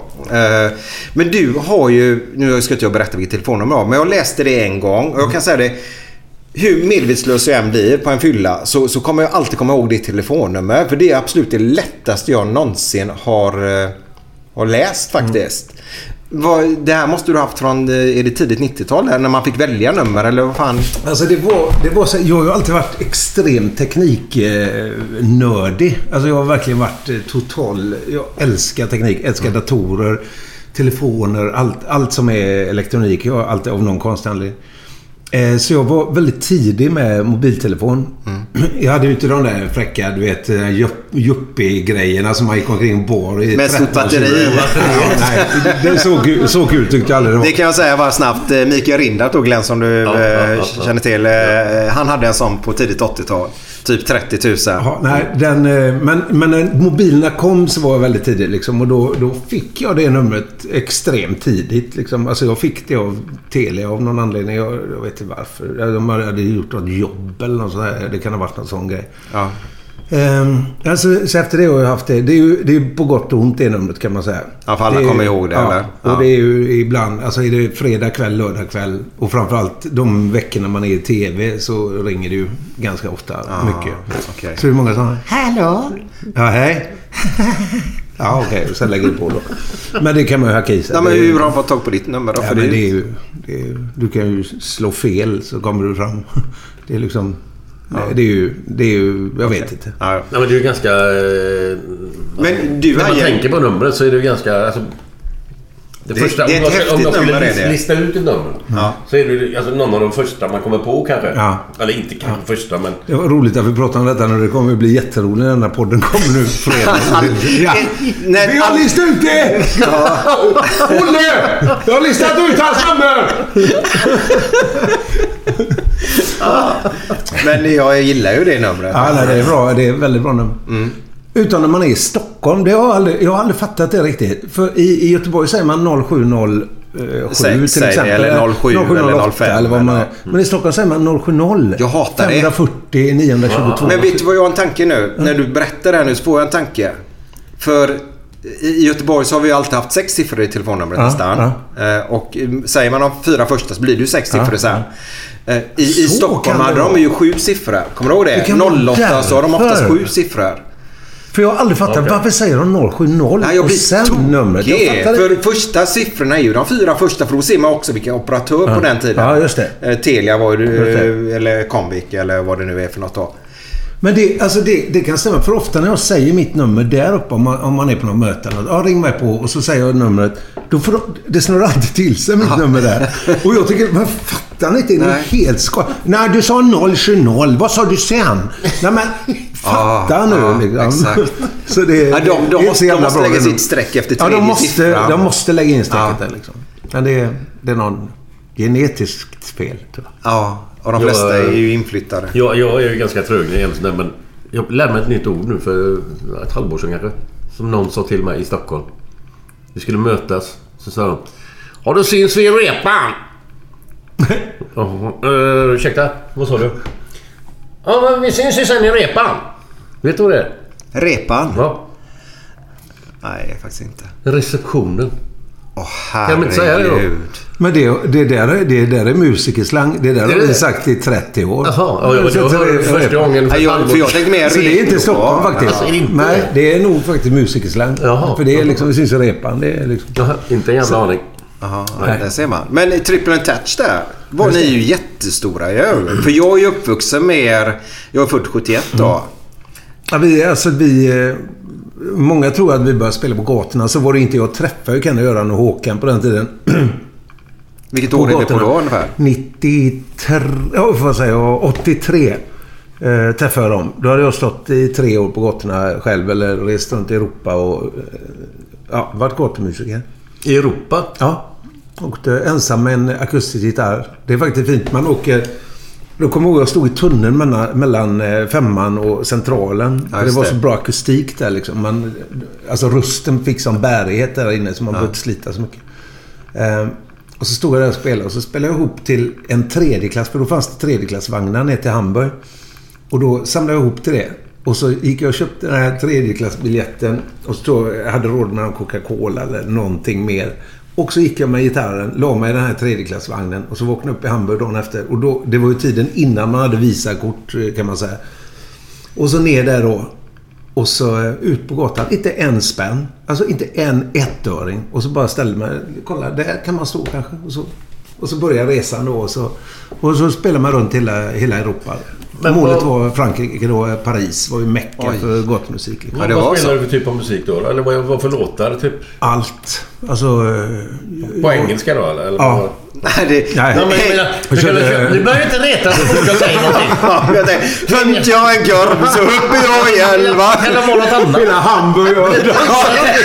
Vad fan vet det om den? Så länge skutan kan gå. Fan vad du är elak. Elak. Jag har ju blivit en snäll person det här året Glenn. Jag säger det. Hade det funnits lite mer Hussein-gener runt om i hela världen så hade världen varit lite vackrare faktiskt. Och det säger jag med Det är, hjärtat. det är faktiskt vackert så. Ja, jag skiter i det nu. Men, Men det eh, finns ju de men jag Hussein-generna kommer- ganska många ställen. jag. jag vet, jag vet. Men det är faktiskt sant. Alltså, det var, alltså, det var bara totalt... eh, Jag, jag har en ganska stor bank i huvudet av låtar. Jag har, liksom, jag har spelat under hela... Sen jag var sju år liksom. Så jag kan väldigt, väldigt mycket låtar. Och så var det bara att, att spela sig runt. Men kommer du ihåg första... Vad var första stället du var på utomlands? På Hamburg? Han tog Utanför ju... Sverige menar. Ja, det var Hamburg. Ja. Och den första låten du drar då i Hamburg? Knocking on Heaven's Door. Okej, Det kommer jag kommer fan du ihåg ihåg. det, Det gör jag faktiskt. Och jag vet exakt. Jag var så jävla hungrig. Alltså, du vet, jag var så hungrig så jag, jag gjorde ett ganska snabbt gig och bara fick ihop ett par mark på den tiden då. Eh, och så, eh, så slutade jag och så gick jag iväg till något café och köpte någon macka där liksom. Och sen, sen gjorde jag en smart grej. Jag var faktiskt lite clever på den tiden. Jag stannade ganska länge i Schweiz. För då stod schweizerfarangen i så högt. Så då spelade jag väldigt länge och så levde jag i parker. Bara sov i parker och så blev man väckt av en vattenspridare på morgonen. Va? Och, så, och så sen eh, iväg och så lirade igen. Och så sen drog jag till Italien. För då var lir, eh, liran var ju liksom... In, alltså man tjänar hur mycket pengar som helst. Så jag var ju miljonär i schweizerfranc ner då och så använde man liran. Nu är det ju euro överallt så det är ju liksom på ett annat sätt nu. Men då var det faktiskt så. Och de här resorna var helt, eh, helt sanslösa. Man lärde ju sig eh, alltså allt. Jag var ju var ju 18 år liksom. Och, eh, vi- alltså vilken skola. Vilken... Ja, men var det inte ensamt då, tänker jag? Inte mycket kan jag säga. Det, alltså, varenda gig du gjorde så fick du 30 nya vänner. Jag liksom var hemma hos killar, tjejer. Alltså Ah. man träffade ju alla. Och så kom någon kille som hade en restaurang och så spelade man på den restaurangen på kvällen. Och så liksom där på den restaurangen träffade man eh, hon eller han. Och så kom man med där på någon efterfest. Och så var det hej och hå. Så, så det var ju fruktansvärt roligt. För det var ju liksom verkligen... Man visste ju aldrig vad som skulle hända. Du hade aldrig en aning. Nu, nu är ju Europa ser ju inte riktigt likadant ut. Jag, eh, om jag skulle skicka iväg min dotter som är ungefär samma ålder nu. Då hade man ju känt lite jobbigt. Men på den tiden var det ju lite, lite lugnare, lite snällare. Man kunde sova vad som helst eh, och det hände ingenting liksom. Ja, det var ju mycket... Man var ute och tågluffa och så. Ja, det var ju så liksom. Det var äh, fantastisk tid och fantastisk skola. Eh, som verkligen, som, som jag tror att jag har haft grymt mycket nytta av genom hela mitt eh, musicerande och även, även TV. Jag, jag tror att, att, man, att man är snabb i käften och att man kan ta eh, mycket på uppstuds tror jag är just den skolan som man hade på gatorna. När man står där och så är det någon som ropar något och du är tvungen att, att svara och tvungen att liksom, eh, gå på liksom. Så det, det har varit min, eh, alltså min skola har det varit i alla fall. Och den har varit grymt bra för mig. Men du, när du står där och spelar då i början där. Är det... Är det var det så att folk stannar till och stannar och tittar? Eller gick de bara förbi så här? Eller hur? Alltså, För där är- idag är det ju ingen som står still och tittar på någon som spelar liksom. Nej, men det var det ju. Alltså, under, under de åren, vi började ju spela 80, eller jag började spela 80 på gatorna. Och... Eh, alltså det är faktiskt... Det är faktiskt det här, den här storyn är faktiskt sann. För detta är min, detta är min start. Jag var extremt blyg. Alltså jag var oerhört blyg. Jag var så blyg så jag vågade inte ens... Eh, Men det stämmer ju inte riktigt med att du åker ut i Europa och är blyg. Ja, men, men då, var jag, alltså det, då hade jag ju fått lite mer muskler liksom. Men från början är jag extremt blyg. Jag är inne i en sån 15, 16, 17, 18 där. Och där är jag ju helt borta. Jag sitter ju med min akustisk gitarr i ett hörn och är bara en sån liten tjock kirub och liksom säger aldrig någonting. Så, så sitter jag alltid, åker jag alltid ner och jobbar på posten. Eh, och var brevbärare. Och så då var man klar på den tiden var man klar 9-10 på morgonen. Liksom. Då var man färdig med sitt distrikt. Och så åkte jag alltid ner till stan. För jag älskar att sitta och kolla på gatumusiker. Då det fanns det två i Göteborg som hette Sören och Mick som var helt fantastiska. Och satte mig där och kollade på dem. Och så kommer en kompis förbi som heter Roger. Som var kompis på landet, vårt landställe. Och säger, kan vi inte spela ihop? Och jag hör mig själv säga, ja. Mhm. Och vi övar in nio låtar. Han sjunger alla nio. Och han sjunger som en kratta. Och så hade vi den nionde låten. Då tog jag en andra stämma på den låten. Och så åker vi ner till stan. Efter att ha övat någon vecka. Och ställer vi oss utanför NK, vilket är den sämsta platsen du kan stå i världen. Eh, där ställer vi oss. Och så står vi där en hel dag och tjänar 60 spänn. Alltså 30 kronor var. Och jag åkte, alltså jag var så lycklig. Alltså jag var bara så här, det här är inte sant va. Och jag stod bara jämte och kompa liksom. Alltså jag bara eh, stod och spelade gura. Och jag var, jag var så glad för jag liksom... Jag hade, alltså jag hade upplevt något sånt där. Alltså jag kan tänka mig när du går in på första allsvenska matchen. Alltså jag, jag hade upplevt någonting som för mig var ouppnåeligt liksom. Så spelade vi en vecka. Sen var det bestämt innan att han skulle till USA och bli pilot och där han skulle gå den här utbildningen. Så han kunde bara spela en vecka. Och när lördagen kom, lördagen visade sig vara bästa dagen. För då var det ju på den tiden en köpdag där alla åkte till stan och handlade. Då tänkte jag, åker ner själv? Så åkte ner själv, livrädd. Och då är det för första gången någon som står vid NK. Någon annan idiot som har ställt sig där. Liksom, det går inte att stå där, det är sämst. Men så tittar jag upp, det är ledigt vid kompassen. Och det är ju där Sören och Mick brukar stå. Va? Det är ju där, där jag vågar ju inte gå upp dit. Det är ju livsfarligt. Va? Hette de så? Ja, de heter Sören och Mick. Och jag liksom tänkte, fan skitsamma, jag går upp. Så jag gick upp och ställer mig där. Helt plötsligt, av någon anledning så vågade jag liksom. Och så ställer jag mig och spelar. Sjunger liksom Dan Hylander-låtar tror jag. Och då, eh, gamla eh, Peter Lundblad. Alltså jag hade en massa sådana saker. Och får crowd. Alltså får eh, Folk folk, som stannar. ja. Och tjänar på de här 30 minuterna. Det är faktiskt sant. Det, och det kan ni läsa på för det har jag sagt i massa intervjuer. 265 spänn. Själv. På en halvtimme? Ja. Och det var första gången. Ja, det- Och då var det... Då small det till bara, eller? Mycket, mycket pengar ju. Och svart. Ja. Nej, det, var, det var helt... Alltså, det var en sån där upplevelse som, som inte fanns. Sen, sen blev ju det... Sen blev det ju eh, alltså massa konstellationer. Man träffade andra musiker och sånt där. Och då började vi, jag och en kille som heter Thomas, spela på Avenyn. Det hade ingen gjort innan. Ställde oss på Avenyn på kvällarna. Då hade vi stått på stan på dagen och spelat en fyra, fem pass då. Så började vi spela på kvällarna också. Spela på Avenyn. Och till slut blev det ju efter något år så där så var det ju att när vi kom ner 28, för vi började spela 8 då. Så var det 200 pers. Sittande i en ring. Och, alltså det var som att gå in i en, på en scen. Det var våran You should celebrate yourself every day, but some days you should celebrate with jewelry. Whether you want to commemorate an unforgettable moment or just bring some added sparkle to your collection, Blue Nile can offer you expert guidance and a wide assortment of jewelry of the highest quality at the best price. Go to BlueNile.com today and experience the ease and convenience of shopping Blue Nile, the original online jeweler since 1999. That's BlueNile.com. BlueNile.com. Hiring for your small business? If you're not looking for professionals on LinkedIn, you're looking in the wrong place. That's like looking for your car keys in a fish tank. LinkedIn helps you hire professionals you can't find anywhere else, even those who aren't actively searching for a new job but might be open to the perfect role. In a given month, over 70% of LinkedIn users don't even visit other leading job sites. So start looking in the right place. With LinkedIn, you can hire professionals like a professional. Post your free job on linkedin.com slash achieve today. Ever catch yourself eating the same flavorless dinner three days in a row? Dreaming of something better? Well, HelloFresh is your guilt-free dream come true, baby. It's me, Kiki Palmer. Let's wake up those taste buds with hot, juicy pecan-crusted chicken or garlic butter shrimp scampi. Mm. Hello Fresh. Stop dreaming of all the delicious possibilities and dig in at HelloFresh.com. Let's get this dinner party started.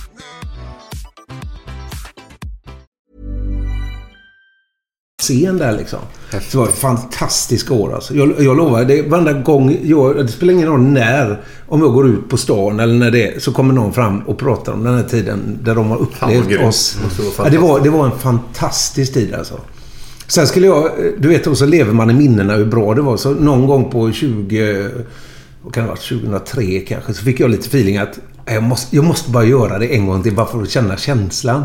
Så jag ställde mig på stan och tog på mig gitarren och la fram gitarrfodralet. tänkte jag, jag kör, jag kör ett set liksom.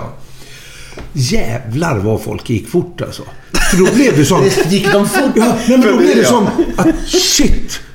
Det är ju han. Nu går det dåligt för han. Vi, vi, alltså så de försvann som avlöningar. Va? Det var liksom... Alla bara drog tills jag tog bort gitarrlådan. För då fattade folk liksom att Ja. Att man bara ville göra det liksom. Ja, det var en väldigt en kul grej. Också. Så då, i början var det helt... Ja, jag tänkte, vad, vad hände då? alltså det var, men det var en fantastisk tid och en fantastisk skola. Och framförallt så när vi väl kom ner till Frankrike eh, så hade jag bestämt, jag hade en 12-strängad gitarr och strängarna var ju, det, strängar var ju, det var ju hårdvara va. Så jag lagar ju strängar. Jag kan laga strängar än idag. Liksom, ja. De här dyra strängarna som kostar 20 spänn. Liksom. Eh, men då hade jag köpt ett nytt set strängar. Så jag hade 12 strängar. Vilket jag väldigt sällan hade min gitarr. För jag hade ofta 6 då.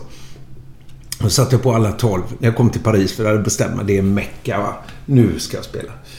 Stämde upp min gitarr och så ställde mig ett gathörn. Och så började jag spela där. Och jag var så lycklig. Jag var i Paris äntligen och hade liksom lyckats med min resa. Då stannade en sån piketbuss. Och ut springer 12 sådana Peter Sellers-poliser med sådana här fjantiga mössor. Ja, ja. Och drar tag i mig rätt in i den här eh, skåpbilen och klipper strängarna. Nej. Bara med en bultsax. Bara klipper av strängarna. Och in med gitarren. Kastar den på mig. Och så satt jag i något franskt eh, häkte där i 5-6 timmar. Och fattade, jag fattade ingenting. Jag kunde ingen franska då. Kan inte så mycket nu heller kan man säga. Men satt där och sen släppte de ut mig. Utan en sträng, utan en spänn i, i Frankrike. Va? Oj. Då fanns det ett ställe i Saint-Michel eh, i det området precis i, i, i vad heter kvarteren? De heter... Eh, ja, Saint-Michel i alla fall. Eh, där det fanns ett fik eh, där alla gatumusikanter träffades. Och då gick jag in där och lånade en A-sträng och Richie. En D-sträng. Där träffade jag också... Eh, vad heter han? Eh, herregud. Enda gatumusikanten som har fått en riktig hit. Han hade en hit som heter Rosie. Nu, ja, men nu, nu går vi bet här. Vi kan, Ja, skitsamma. Eller jag kan ingen sån. Skitsamma. Nej, han var, han var det. guru för alla gott.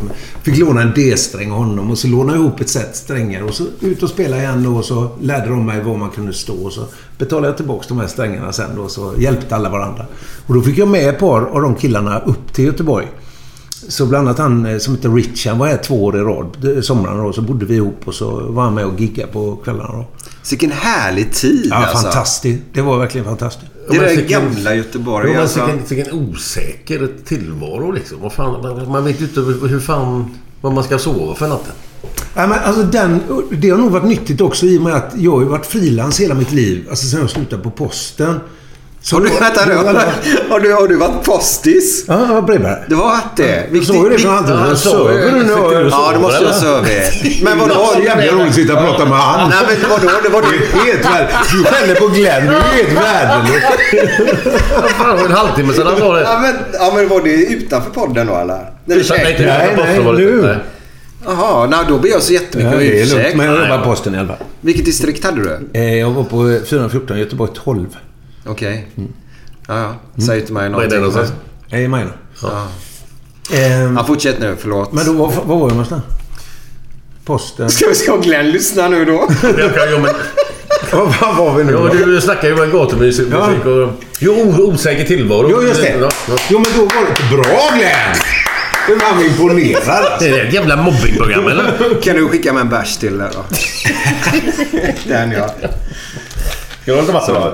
Vill du ha? Jag kan Nej, jag fyller på lite vatten. Nej, men jag bara hämtar rånus. Okej. Du, jo men då... Champagne var ju grym faktiskt. Då var det ju...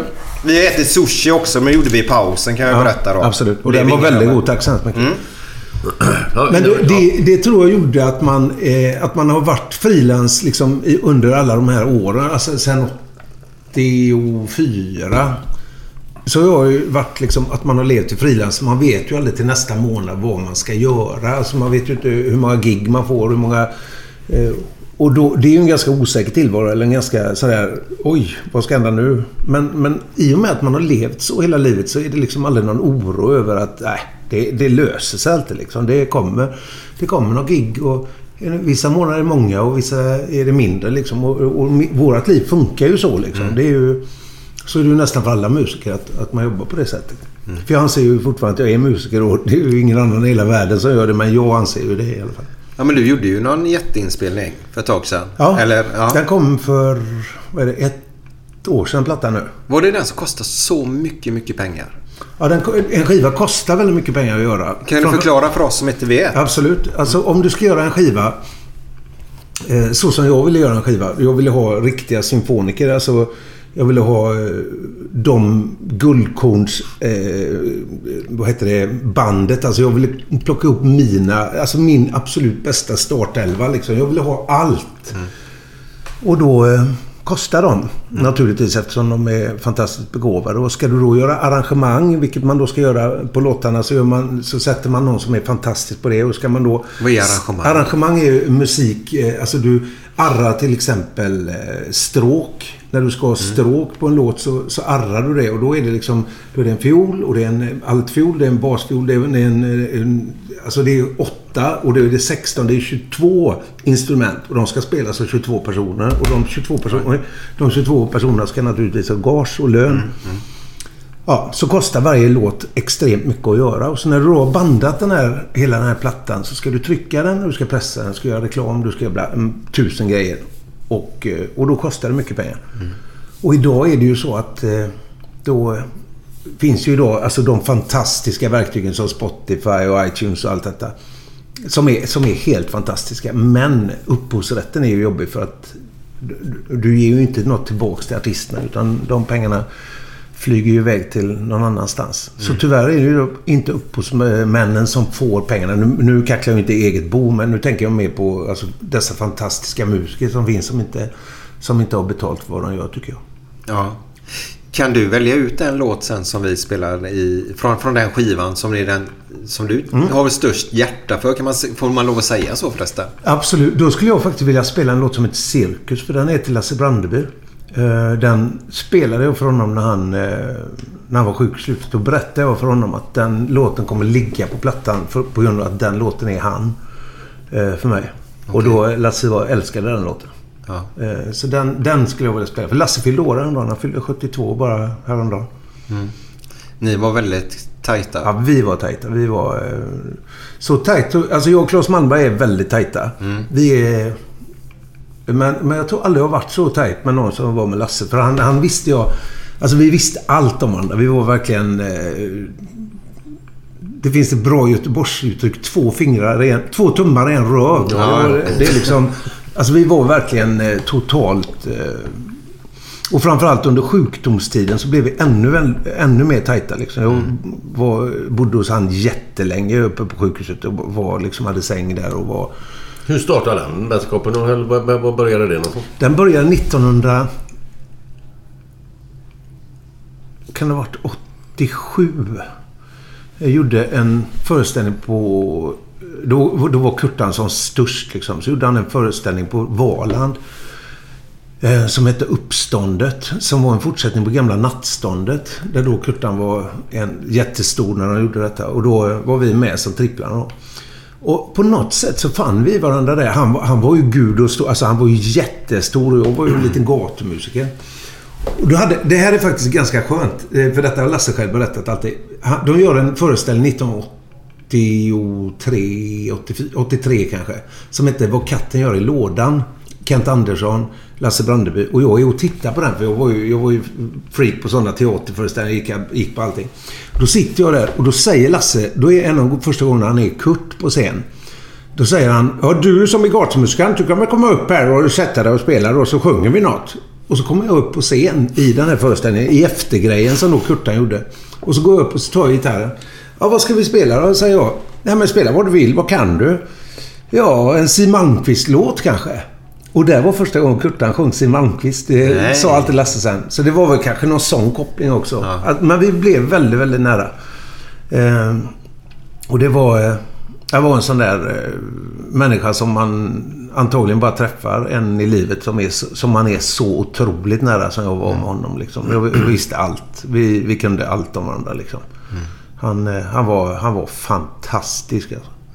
Och de, alltså, eh, jag skulle kunna prata nio poddar om bara sittningar vi har haft och vad vi har gjort och vad vi har... eh, Alltså, vi har flabbat alltså. Jag kan Så tänka mig det. Var han, jag har ju hört att han hade svårt att säga nej va? Kan man säga. Ja, det var så ja. Mm. ja. Han, eh, det finns ingen som har gjort mer för, eller eh, vad heter det, eh, välgörenhetsgig än honom. Det, jag tror inte det finns någon i hela Sverige som har gjort mer. Han ställer upp allt, alla, jämt. Det var, man fick liksom säga, men Lasse, snälla.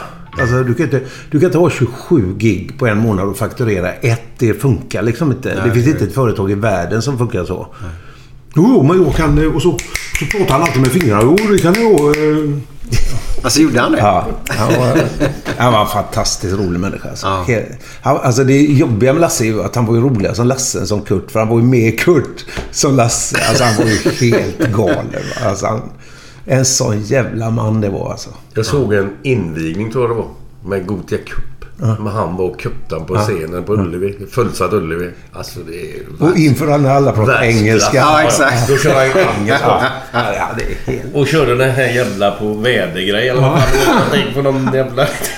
Men jag, jag kommer ihåg det på 80-talet när han var nere på, på Askisbadet bland annat. Och körde livesändning där på P4 och Mm. detta. Man satt ju bänkad faktiskt och bara väntade på detta. Och han var ju så jäkla rolig. Ja, ja, Han var, han var faktiskt en helt... Eh, alltså, jag tror aldrig jag har träffat någon som är snällare än honom.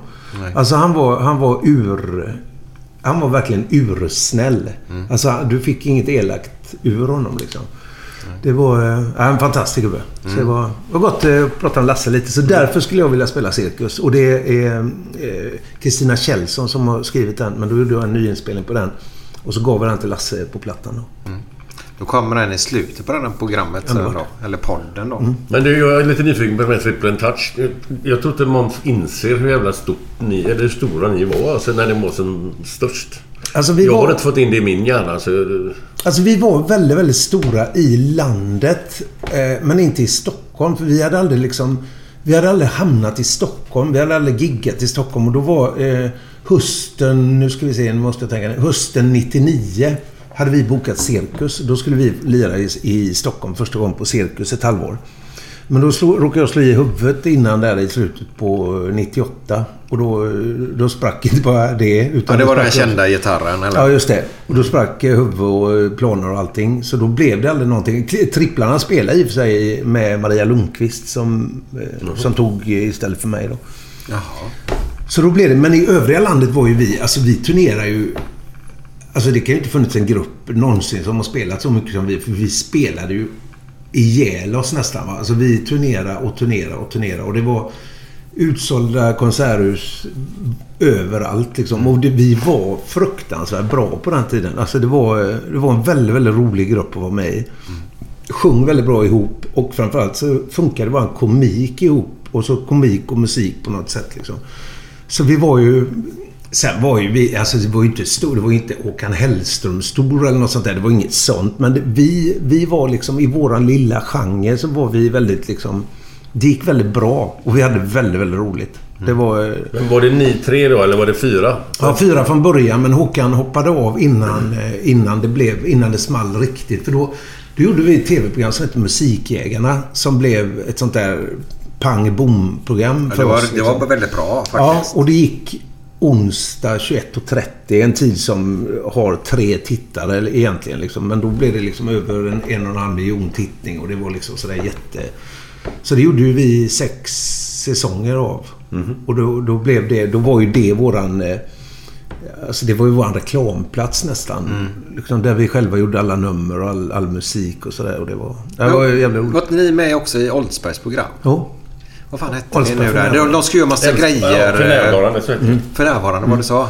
Och så var det väl lite folk som, eller ja, vanliga svenskar som skulle göra lite utmaningar. Uppdrag, ja. Just det. Uppdrag Mm. och hoppa bungyjump och var det delfiner Mm. de skulle Mm. rida på. Lite sån grej va? Och så vi, vi var med som en sån eh, musikgrupp där i under tre år tror jag. Sen det fjärde året så ville Ingvar ha med mig som bisittare eller slagpåse. Läs vad ni vill. Slagpåse, Ja. säger vi. ja, men då, och då fick han ett stort skrivbord och så hade han det här Letterman-bakgrunden Ja, med. Älvsborgsbron. Och jag hade en, ett litet skrivbord och en bruten bro och du vet liksom. Så, jag, så då var jag med. Han, så, han såg... eh, Alltså Ingvar såg ganska tidigt någon sån här programledargrej i mig. Vilket han har berättat. Och han har ju varit jättehjälp liksom, i, min tv-karriär. Precis som, eller, som Hyland var för Ingvar. För det är Ja. faktiskt så Hyland var för Ingvar. Och Ingvar är ju fortfarande någon som ringer ofta när jag har gjort något på TV och ringer och liksom stöttar och är med och sådär. Så det är väldigt tacknämligt att ha någon sån. Jag ska leta upp någon som... Men du, han är... Alltså jag trodde det, Han är unik när det gäller sånt tror jag. För han har ju ringt- och sagt om jag har varit med och, Mm. har varit med. Har inte hållit hållit i någonting. Men om jag var med på Mm. senast. Kommer inte ihåg fan det var på Nyhetsmorgon. Fan var. Då ringer han. Fan vad bra Ja, ni var ja. på Nyhetsmorgon. Inte vad fan. Ja, men han är väldigt, väldigt generös, eh, Ingvar. Alltså, Ja. med, med att vara eh, alltså, för andra människor. Och mig har han ju liksom hjälpt och stöttat jättemycket genom åren och liksom kommit med... Sen har jag, jag har ju naturligtvis gått den hårda skolan hos honom. Jag fick ju stryk. Va? Alltså det, jag fick ordentligt med stryk i direktsändning och då lyser lampan direkt. Och det programmet hade på den tiden 4,5 miljoner tittare. Och hela Sverige tittar ju liksom. Och då sitter man där och så var jag borta en vecka och så kommer jag tillbaks och så säger jag något roligt liksom så här. Dålig tittning förra veckan när inte jag var här. Var inte du här förra veckan? Säger han bara. så hade man pratat klart om det. Han är fruktansvärt snabb i käften. Ja, ja, ja, ja. är- Vi hade ju han i podden också. Då satt, första gången vi satt på en krog faktiskt. Naturligtvis. Det var lite roligt. Eh, ja, det var, det var spännande. Då berättade han lite grann där om Hyland bland annat. Mm. Eh, att han var hans pojk då bland annat. Med lite annat. Ja, men det var verkligen eh, pappa. För han har berättat väldigt mycket om det, den tiden, vilket är intressant. Idag när tv-mediet är väldigt annorlunda så att säga. Alltså jag har ju haft turen, eller vad det nu är, och, och få jobba i tv-mediet när, när mediet var väldigt, väldigt litet. Alltså det fanns inget annat än just det här. Alltså idag är det ju liksom, det finns ju en miljard saker att göra för oss. Om vi stänger av den här podden nu så kan du Glenn sätta dig och titta på någon Netflix och du kan eh, podda. Och du, alltså. Vi kan göra tusen grejer liksom. Men då fanns det en sak att göra. Och det var ganska unikt att man liksom hade sett någonting dagen innan och alla pratade om det här man såg. Mm. Vilket gjorde att de som var tv-stjärnor på den tiden var ju sinnessjukt stora. Mm. Alltså Hyland, Olsberg på den tiden. Alltså det var ju sådana...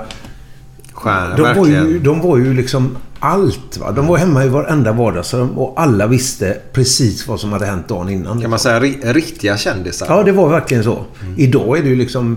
Jag menar, har inte jag varit på TV i tre veckor så kommer folk fram och tro att jag har dött eller något. Alltså det, det är lite...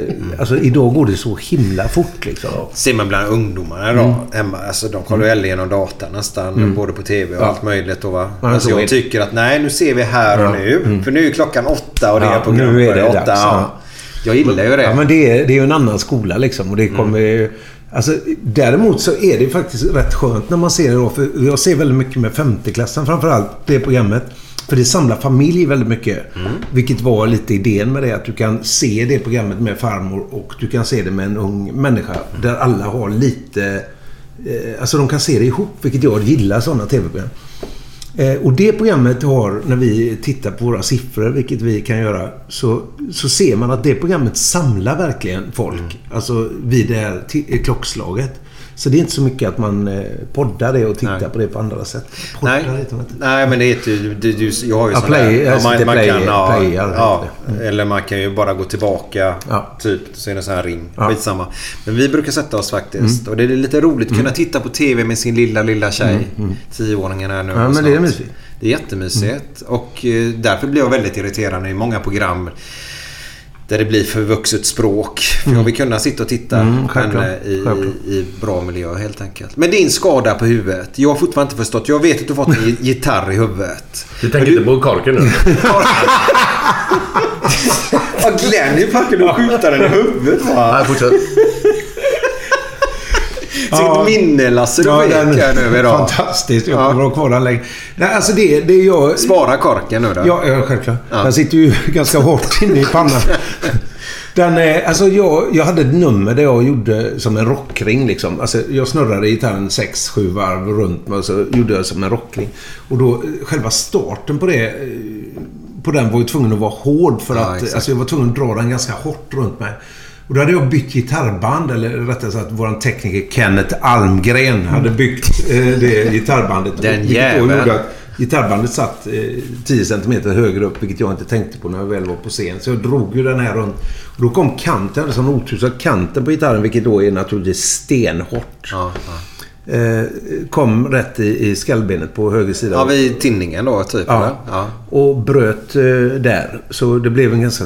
Alltså det blev en jävla stor skada och ingenting. Du fick en fraktur på, på skallbenet alltså? Och eh, en, eh, någon form av skada inne som då är någon form av whiplash-skada för hjärnan som, som blev ganska tuff. Eh, alltså där det blev värre och värre hela tiden. Alltså den, den eskalerade ganska rejält vilket gjorde att till slut låg jag i sängen och hade liksom flaska för att gå på toaletten. Alltså det var verkligen, det var verkligen kris ett tag. så alltså. alltså Men det när var- du fick den här smällen, för den, Ja. då från början, ramlade du ihop då eller? Nej, det, sk- det här är det skumma. Jag står på scen. Detta är första numret i, i den showen. Då spelar vi på Moriska nere i Malmö. Eh, och då... Jag står och så håller jag mig i gitarr... Eh, eller vad heter det? Mixstativet. Och kommer ihåg alla... För jag hade ju ofta snacken i gruppen liksom. Och kommer ihåg alla snack och sjunger med alla stämmor. Men jag dansat. Jag kommer ihåg Ken var Vad fan, kom igen! Vad håller du på med liksom? De fattade inte vad som hände. Så jag bara står där hela gigget. Och gör ingenting. Sen när vi ska gå av scenen så bara tar jag tag i Ken på vägen och så hjälper jag av. Och så hjälpte han mig ner då. Och sen var jag så dum i huvudet så att jag sjukskrev mig. För då hade vi, skulle vi ha turnéstart i Oslo med Cissi Kyrkjebø bara tre dagar senare. Och då åkte jag upp dit och då ramlade jag ihop efter premiären. Och upp till Oslo eh, hospital där, där jag låg inne. Jävlar. Eh, så det var... eh, Men sen gjorde jag tyvärr hela den turnén där. Med, då var det Sverige, Norge, Danmark, Finland till och med. Så då var jag helt snurrig. Alltså jag var ju helt borta egentligen. Men det... Men det, då blev det i alla fall... Det var, det var slutet på, på tripplarna för mig. För då kunde inte jag fortsätta liksom. Det var, Nej. det var för lång tid jag var borta. Men du blev så dålig av detta alltså? Mm. Men, men sen blev jag faktiskt... Sen hittade jag massa sätt att bli bättre. Bland annat träning då. Eh, alltså så ofta nu om jag får ont i huvudet, vilket jag får då ibland framförallt på höger sida. Eh, så är det, då går jag ofta och tränar. Eller så tar jag den här cykeln och åker runt eh, Göteborg. Eller ut och går upp i Skatos eller något sånt där. Liksom, för att, och det funkar. Så jag har hittat, så för mig har det nog varit ett positivt slag faktiskt. För annars hade inte jag gjort det. Nej, men det, det kan man ju Jag är alldeles för lat. Nej, men det går ju att se tillbaka nu Ja. att det blev ett positivt Mm, grej absolut. av det. För Absolut. det blev ju en brytning om man Ja. säger där. Och det Men fick ju en... Vissa sviter ser man ju fortfarande. Det märker Ja, vi det är innan korken. podden. Ja, Det är det korken. i regler. Den kommer du få höra kan jag säga. Då, då har du en skön skröna på exakt, krogen nu. När han misshandlade mig under podden. Ja. Men du pratade ju om det här att dra iväg den här gitarren ganska hot där det första där. Och det är ju lite grann som golf tänker jag på. Mm. Där Man ska ju dra iväg Driva iväg Ja. den med en bra sving ja.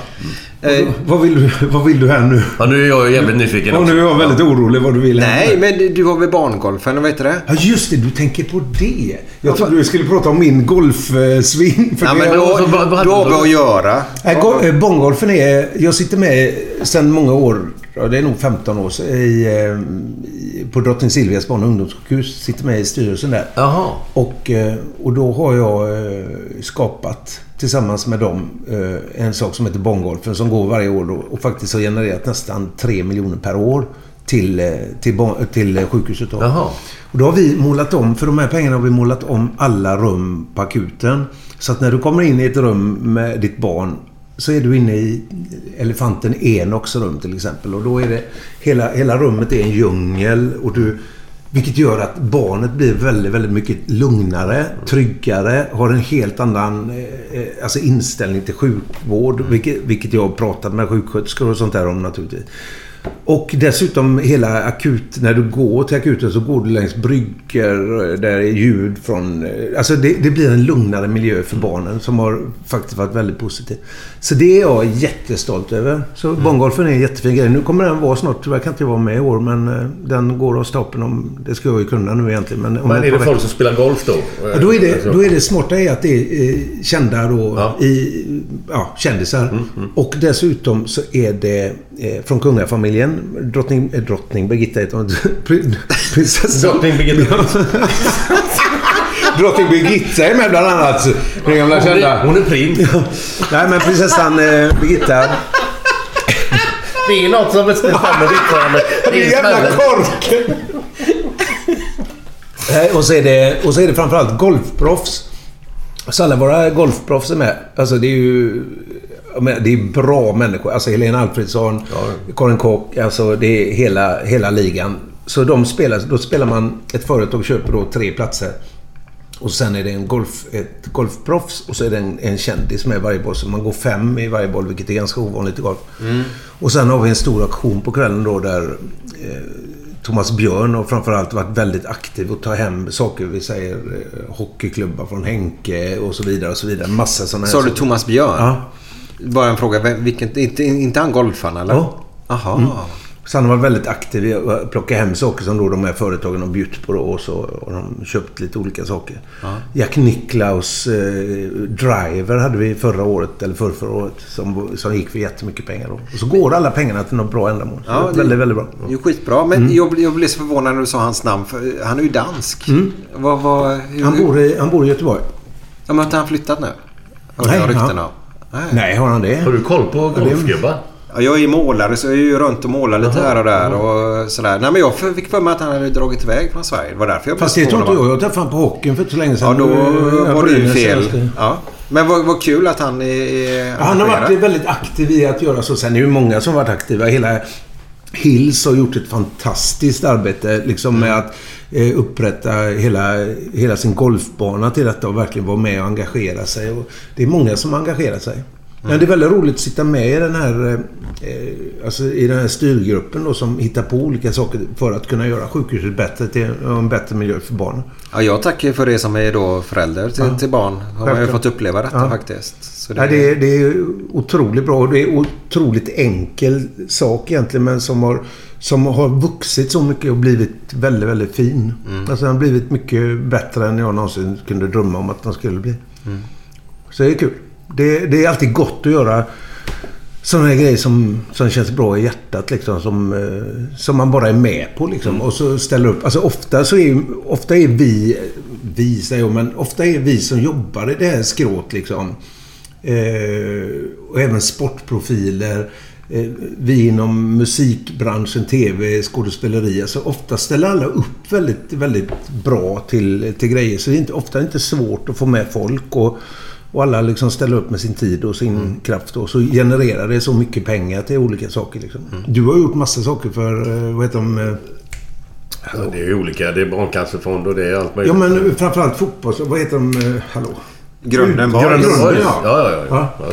Och det är ju fantastiskt liksom. Alltså så lite kraft egentligen man behöver lägga men så ger det så otroligt mycket. Men Det- här som både du och jag var med på, på åka runt med en spårvagn på jul. Den är grym. Alltså allvarligt talat. Fy fan alltså. Det, Berätta, berätta. Nej men vi åker ju runt. Jag var, jag var med en gång. Du kanske var med två gånger nu Ja. eller? Ja. Julklappsvagnen heter den. Ja. Och det är en sak som eh, Stadsmissionen drog igång för två år sedan. För då var det hundra år sedan de gjorde detta. Då åker man alltså, längs hela Göteborgs spårvagnsnät. Och så hämtar man julklappar som då går till... Eh, ja, som går till barn som, som är utsatta på något sätt. Alltså det kan ju vara att, att eh, de kommer från ett, annat land, från krigszoner, alltså har ingen chans att få någonting. Så lämnar folk eh, alltså julklappar. Förra året fick vi in, jag tror det var 300 000 eller något sånt här. Som, eh, som vi lämnade över då till, till Stadsmissionen. Och så gör de en julafton för, för barn och naturligtvis vuxna och bjuder på mat. Och, och, helt, helt otrolig alltså. Men då åker man runt och så på varje hållplats så står det Ja. ett gäng som har samlat ihop eh, gamla grejer som de inte använder själva. Då. Ja. Eller som, ligger på vinden eller Mm. vad fan som helst. Så plockar man upp påsar. Liksom. Det är ju hur Mm. mycket påsar som helst för fan. Helt sjukt. Nu i år gjorde vi... Nu, ja, nu var jag med i år. vi, tog, vi tog bort det med, med att, för, för att säga det ifall någon får feeling. Så tog vi bort det här med gamla saker för det blev, det blev för mycket att hantera för Stadsmissionen. Så nu blir det istället presentkort och, eh, och pengar och gåvor på det sättet. Då. Men när man ser barnen stå där och de har liksom, deras föräldrar har liksom pratat om vad de ska göra. Och barnen själva har fått plocka ihop de här grejerna och så gå och lämna det till oss då som åkte med på vagnen. Ja, Helt otroligt fin grej alltså. Väldigt, väldigt bra. Bara en fråga, för jag var och lämnade ett paket någon gång på eh, hotellet. Vet du det? Det här, eh, Go- Gotia. Gotia-hotellet har ju också en insamling. Ja, just det. Det har något samarbete säkert där kan jag tänka mig då, eller? Det vet jag faktiskt nej, inte. Nej. Det För de, de har också en sån insamling Ja, där man kan Men det dit. kanske går till Stadsmissionen och Ja, jag kanske går det. till den här insamlingen. Ja, ja. Skulle, det är säkert så. Vad fint. Väldigt fint. eh, Väldigt, väldigt bra. Mm. Alla sådana saker är bra. Göteborg, för du är ju, vi har ju haft ett par goa göteborgare, eller bara nästan sköna göteborgare. Och så har vi haft, ja, Börje Salming bland annat då, som inte hade någon knytning till Göteborg överhuvudtaget. Eh, Men vi, vi pratade om Ingvar Oldsberg förut. Eh, Han tog dig lite grann under vingarna då. Eh, Vi pratade i början podden, om du kommer ihåg det, inte denna podden utan början när vi startade för ett år sedan Glenn, att vi var lite rädda att göteborgskan skulle försvinna. Språket och ta kidsen, förstör dem. Inte förstör nu men du förstår vad jag menar Mm. lite grann. Att vem kommer efter dig? För du eh, förknippas ju med Göteborg, punkt slut. Mm. Du också Glenn. Och så det, vi har ju många profiler. Men de börjar komma upp till åren nu. Har vi lite folk under tror du? Eller hur? Ja, men det finns det ju alltid. Alltså, det är ju det som är så skönt. Alltså, all revolution börjar ju alltid nerifrån. Det är ju liksom alltid... Det kommer alltid nya musiker, det kommer alltid nya fotbollsspelare, det kommer alltid nya... Alltså det kommer ju alltid nya. Det finns ju... Alltså det kommer aldrig stoppa, det kommer aldrig sluta. Utan det är ju... Så är det ju. Som eh, fem år så kanske det är någon annan som, som leder de programmen. Eller tre år. Så, eller en, en månad kanske det är. Som leder de programmen jag gör. Eller andra program. Alltså det, det finns ju alltid... Det, alltså det, det måste man vara väldigt, väldigt eh, medveten om i, eh, i mitt jobb. Att det är liksom... Det här är väldigt flyktigt. Alltså en dag så är det bara... Och då är det borta. Och det, och det är jag helt medveten om. Nu har jag bara haft väldigt tur att jag har hållit på i... Vad är det? 35 år? 40 nästan. 35. Det är inte Eh, bara tur. Nej, det, alltså det är väl tur och rätt plats och... Jo, lite tur måste man Ja, ha. men det Ja, ja, ja. måste vara tur Ja. också. Men, men, Men jag du- menar, det är liksom... Det är ju väldigt... Jag menar, det räcker att eh, jag har två serier på raken som inte en människa tittar på. Vad fan ska jag göra TV då för? Alltså det finns ju... Då, är jag ju, då sitter jag ju utanför på sekunden va. Och då är det slut på att klappa på ryggen. Mm. Alltså så är det ju. Och det är ju samma sak. Jag menar, eh, blir du för gammal eller för dålig i ett fotbollslag så sitter du på bänken. Det, alltså det är, ju- det, så fungerar det. Och är man medveten om det så blir det en ganska skön resa. Eh, Och jag är inte det minsta rädd eller, eh, eller liksom hå- håller mig kvar på något sätt genom att åh, jag måste... För jag är ganska bekväm att så fort lampan slocknar så slocknar den. Det är inte svårare än så. Det, är liksom, det ordnar sig. Jag har tusen andra grejer jag kan göra. Liksom. Jag, Ja, Det är ju samma inställning som Glenn. Vad skönt faktiskt. Mm. Ja, men det är, det är, jag tror det är jätteviktigt. Du har ju Wall Street där borta stående. Just det. Ja. De ska leva på det. Ja, Så, nej. så hoppas jag att ni kommer och bjuder på sushi varje vecka. Nej, men du, du har ju mycket bollar i luften har du. Plus att jag bara tänker så här att du säljer ju in ett koncept oftast. Jag vet många andra programledare är ju bara programledare kanske. Eh, Men du säljer ju in koncept till, till SVT väl, eller? Ja, alltså jag skriver ju oftast idén, alltså till programidén också. Men nu, nu är ju jag så att säga projektanställd så jag får ju inget extra för det. Nej. Om man säger det är ju bara att jag är dum i huvudet och att jag måste göra det så på det sättet. Liksom, hade jag varit lite Peter Settman-smart så hade jag ju haft något bolag nu och... Produktionsbolag, ja, och gjort hela- Och liksom sålt av det till någon och så varit eh, multi... Och jag klagar inte. Jag har, jag har så absolut klarat mig. Jag kan köpa sushi också någon dag liksom. Det ordnar sig. Det, det är inte det. Alltså jag har aldrig någonsin, inte ens när jag stod på gatan och det här är faktiskt från hjärtat sant. Jag har aldrig brytt mig om eh, pengar. Jag har aldrig tänkt tanken på att ta ett gig för att det är bra pengar liksom. Alltså får jag ett gig som jag får till exempel så mycket pengar för, alltså en säck. Och så har jag det giget som är hundra gånger roligare på samma dag. Så tar jag det som är roligare. Det gör jag varenda gång. Jag har aldrig, aldrig tagit någonting på grund av pengar. Eller, eller sökt pengar. Det, pengar är helt meningslöst tycker jag. Ja, Alltså i, i mitt, vad jag vill göra liksom. Jag, jag tycker det är kul. De, de sakerna som är roligt vill jag göra. Och det som är utvecklande. Och framförallt när det är sådär... Shit, det här skulle jag vilja göra. Alltså jag har ju haft sån tur att få göra så mycket olika. Det är teater, det är skivor, det är turnéer, det är scenframträdande, det är liksom konferencier, det är liksom TV, stora galor. Det är liksom... Alltså det är ju hela spektrat av det jag vill jobba med liksom. Så eh, jag har ju inget... Det finns ju inget att klaga på. Du, vad är det... Det, Nej. är svårt- det är svårt att säga. Det är, såna jävla idiotfrågor, men... Vi gillar dem Glenn. Men alltså, vad är, vad är det roligaste du har gjort? Alltså det absolut... Alltså man den "Fy grejen som... vad det här var kul. Alltså den grejen som ringer mest i huvudet. Alltså mer... Jag kan inte säga att det är den roligaste, men det är den jag på något sätt är stoltast över. Den är en sån där grej som bara... Ah, jag, alltså att jag, gjorde, att jag gjorde det liksom. Och det är VM-invigningen 95 på Ullevi. Friidrotten? Friidrotten. Då ska vi vara där. Vi ska uppträda på det här. 230 miljoner människor ska titta på det här. Och man är ju naturligtvis lite svag i knäna. Liksom. Det är ju stort liksom. Eh, så står jag där inne i spelargången på Ullevi och bara och står där för mig då. Du, du har stått där på gånger på andra sätt Glenn. Men ju- för mig att stå där är... Alltså då rinner bröstmjölken till på mig. Alltså då får jag en sån riktig... Åh herrejävlar. Nu är jag på Torbjörn Nilsson-mark liksom. Och då står jag där. Och då kommer Kurt-Erik Holmqvist och säger Helvete! Han, eh, han var chef för hela invigningen. Vi har glömt någon som tar hand om publiken innan sändningen börjar. Och jag bara hör mig själv säga Jag tar det. Igen? Säger han. Igen? Andra gången. Ja, jag, jag tar det. Jag tar det direkt. Underbart. Nej men kan du... Jag tar det. Ge mig micken. Jag tar det. Och så går jag bara rätt ut i mitten på Ullevi. Och det är 55 000 pers. Eller 52 eller vad då. 50 kanske. Det är nog i 30 snart. Ja, jag, jag drog på lite där. Jag tog det. Finns det 55 000 där? Jo, men, men det var ju jävla massa folk i alla fall. Och så tar jag micken och så bara börjar jag köra.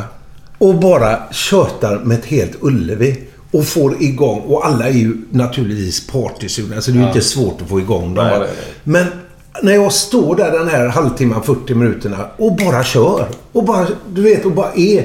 Det var sån här, när, när jag var klar med när själva programmet skulle det sket jag fullständigt. Jag var, jag var helt klar. Jag hade gjort mitt. Jag hade stått på mi, i min stad, på min arena. Alltså där jag har liksom upplevt allt i fotboll. Jag har stått ner på det gräset och haft hela det här gänget i min hand liksom. Det var ett sånt där ögonblick som jag... Jag kommer aldrig glömma det. Det var liksom absolut största. Och jag fick inte en spänn för det. Jag gjorde ing, alltså, men det var bara en sån där ögonblick som var... Shit vad fräckt det var. Alltså det var verkligen... Eh, ja, det, är det, det är det absolut fräckaste jag har gjort. Syns i dina ögon Ja. faktiskt. Ja, men man... man det, det är så här. Går igång. Ja. Vilka, bara en fråga. Vilka konserter har du sett på Ullevi innan dess nu då? För du, jag kan ju tänka mig att du gick någon gång på... Var du på Bowie? Var ju Ja. där. Var han där 82 eller var det? Jag har sett alla. Du har gjort det? Mm, jag har faktiskt sett alla. Så du var på Springsteen också naturligtvis? Ja, alla, alla, hallå.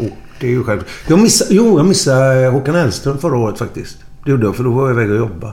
Så jag, jag kunde inte se någon av dem. Jaha, du har varit på alla ända fram till dags datum? Ja, Ah. Jag har sett alla. Så jag var till och med på Var- var du på Metallica. det var ju helt jävla missuppfattat för mig. Jag fattar ju inte en låt där. Vad är... Eriksberg, faktiskt. För det var ju Michael Jackson va? Ja. Det var bra på riktigt alltså. Ja, det kan jag tänka mig. Vad, vad bra det är. Nu blir det en sån här podcast när jag går bort från micken ingen jävla hör vad man säger. Ja, du får höja rösten lite där borta bara. Det är bara att höja rösten lite så blir det jättebra. Ja, jag var på Eriksberg! Gött! Ja, det lät bra. Jag kan ju ta fram eh, en eh, present till dig då faktiskt idag. Ja, vi har en present med oss till dig. Får bara hoppas att du uppskattar den. Och så bara bort och hämta den. Man ser ju direkt om man eh, säger det bara för att han ska vara känd. Ska bara se vad den väskan här har. Ja, och då Ja, vill- tre, tre storlekar. Så Han går, han går iväg nu. En ganska stor väska är det. Ja. Är det jag tror det är en...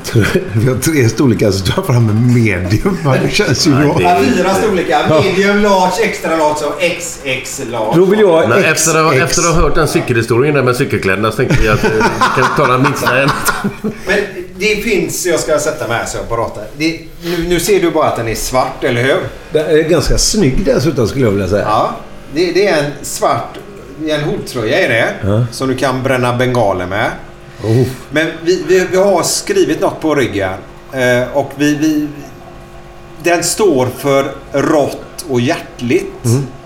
Och det handlar om fotbollskulturen Ja. på våra läktare. Så den här står för detta vad vi vill ha in, jag och Glenn då. Mm.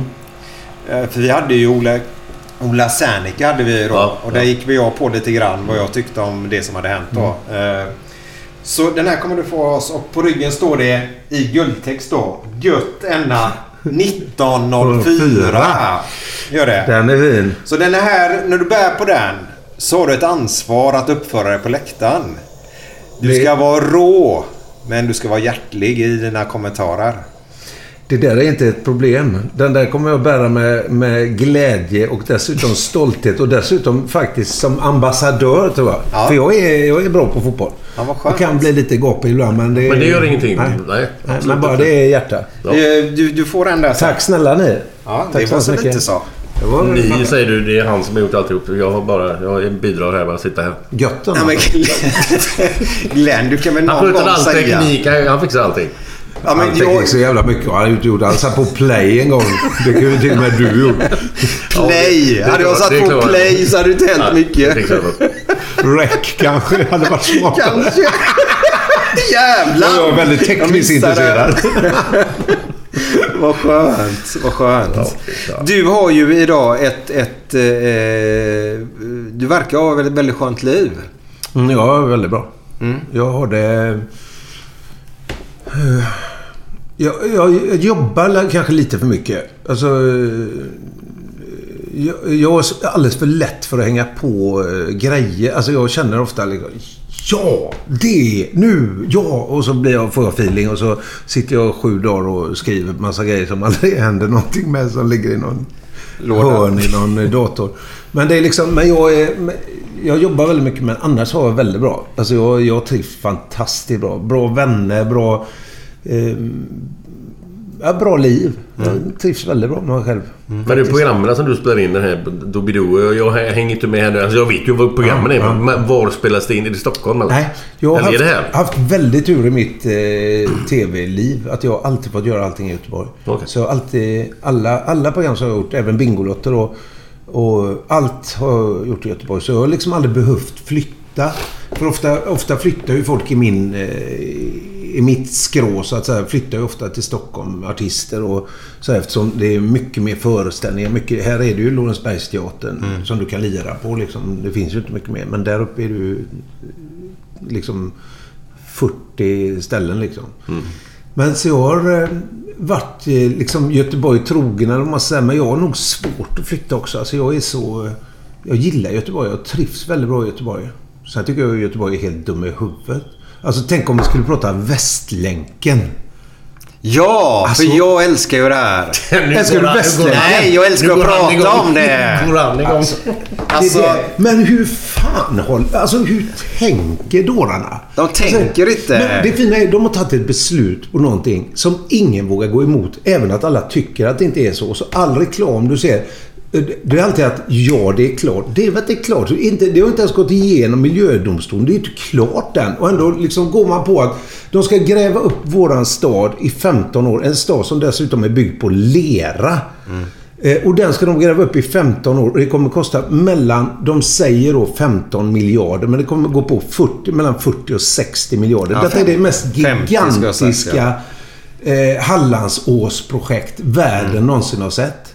Alltså Hallandsåsen kommer framstå som en liten Mississippi. uppe vid... Eh, alltså, detta kommer bli största katastrofen någonsin. Varför bygger vi då detta?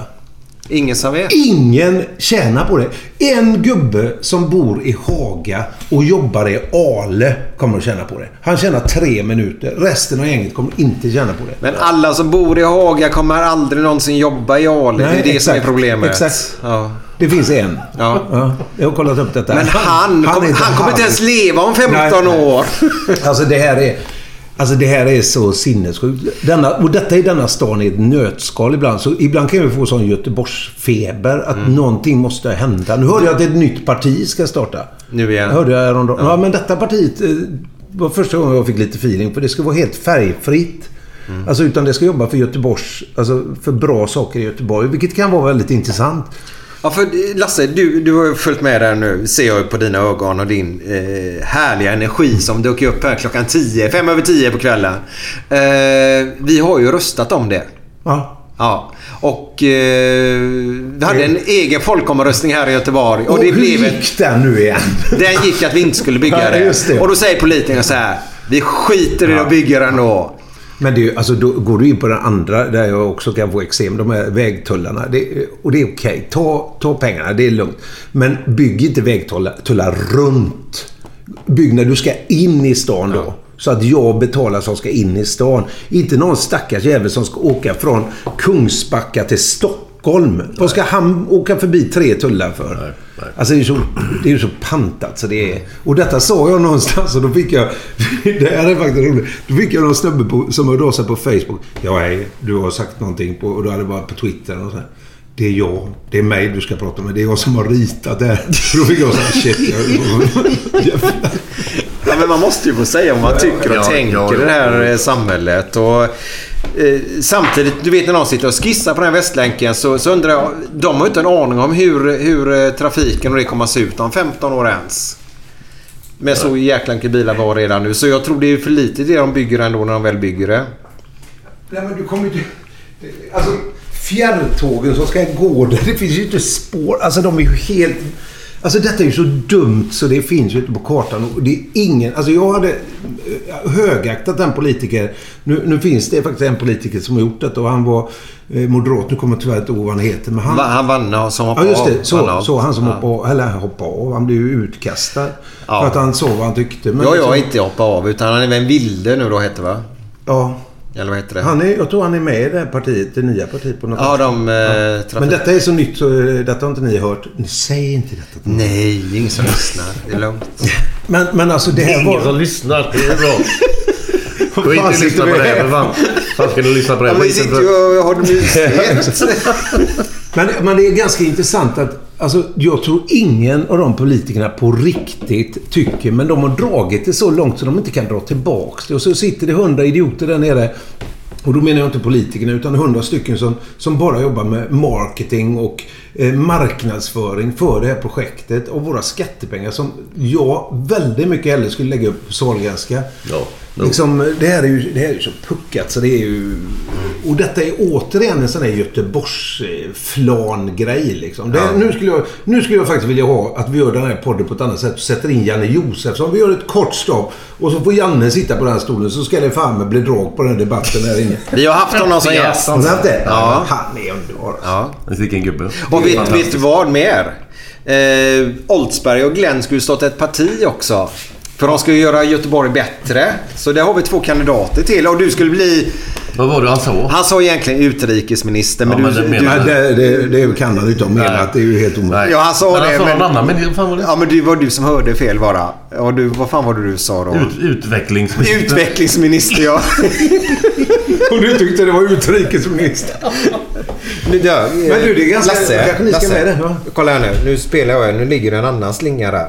Om jag spelar över den nu, kommer de i varandra då? Du, men du har bara satt stopppunkten där. Nu diskuterar de eh, två genier Nej, men jag- här om jag- tekniken. jag tar och pausar nu. vet vad som Mm. händer. Så ja. Så. Så. Spelar den in igen. Ja. Lite teknisk. Men du är ju en tekniker. Så. Mm. Du gillar ju teknik och det berättade du förut där. Och det är ganska häftigt. Alltså jag tycker det är jättesvårt att följa med i den tekniken som utvecklas idag. Ja, fast jag tror det är för att, för att jag sitter ju med min... Eh, alltså i min studio som jag har här inne då.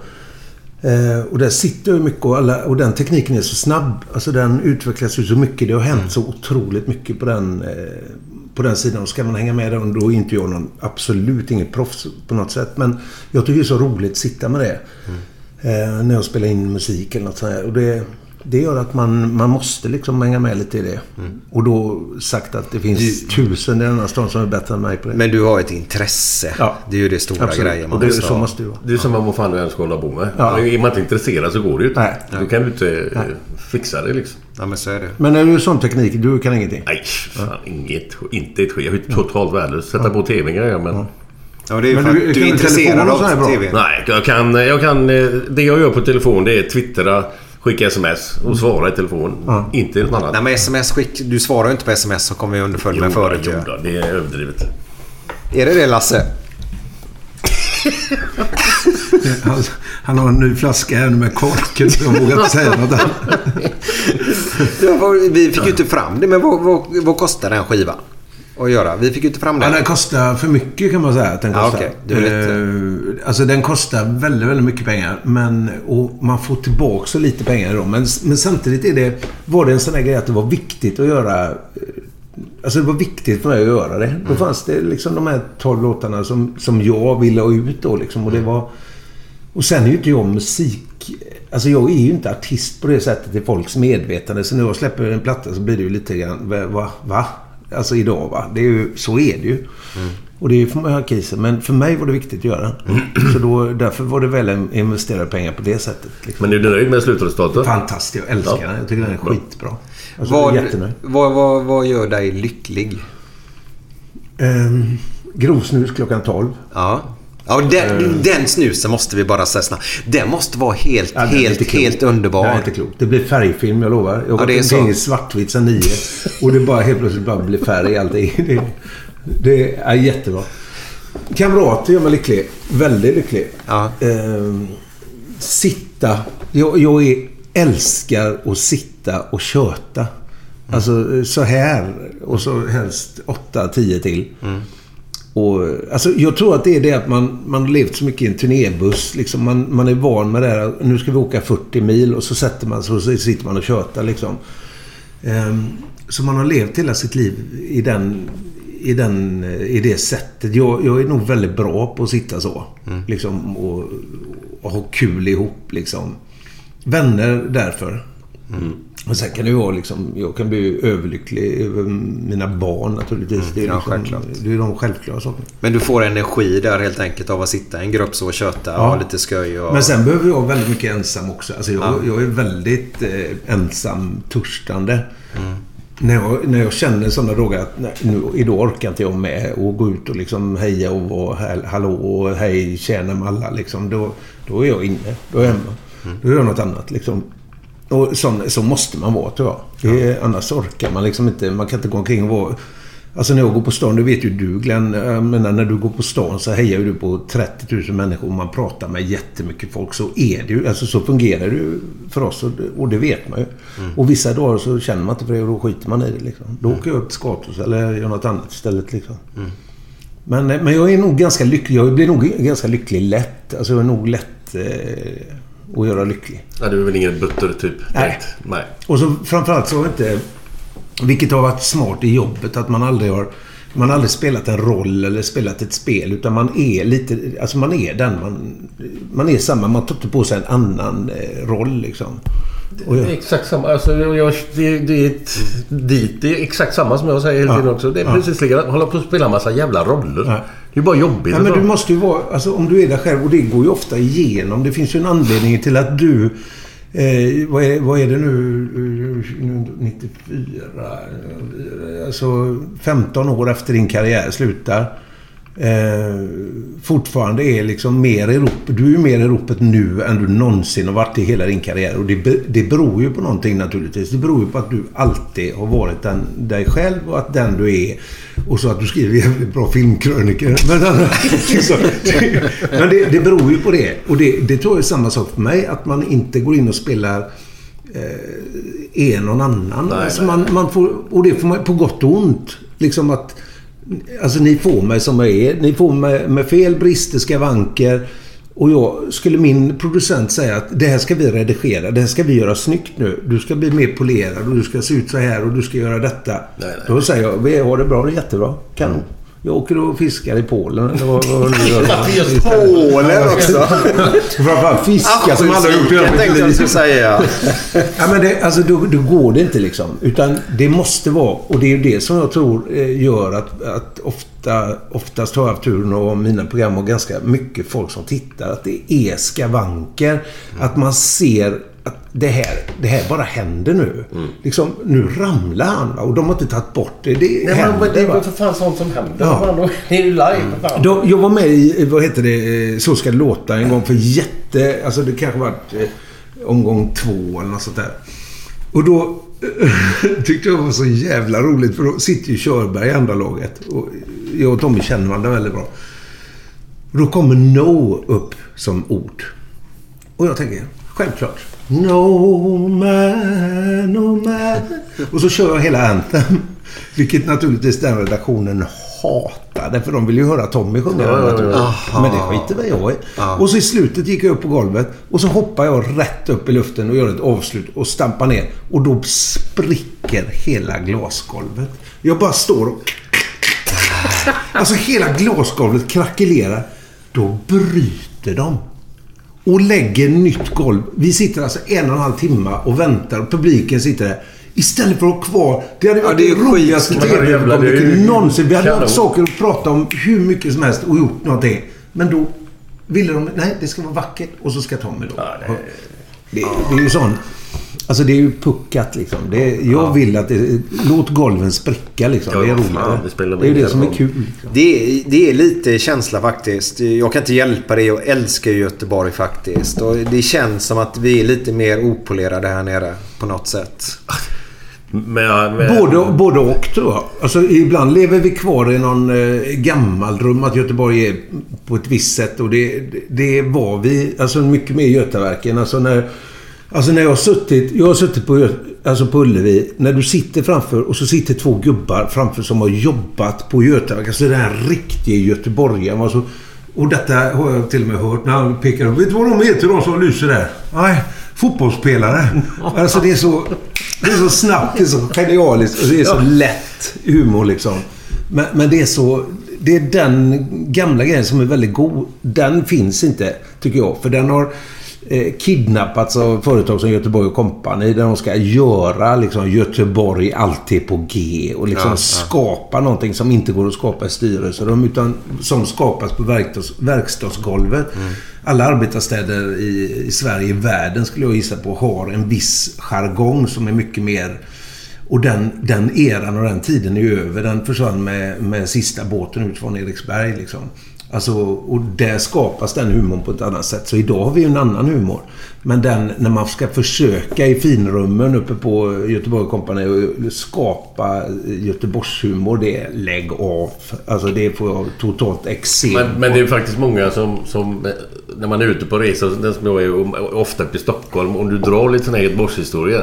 Då tycker de direkt så här, så säger de direkt liksom... Åh, de här jävla Göteborgshistorierna. Och sen så efter ett tag så börjar de småflina lik förbannat för de tycker det är rätt kul ändå.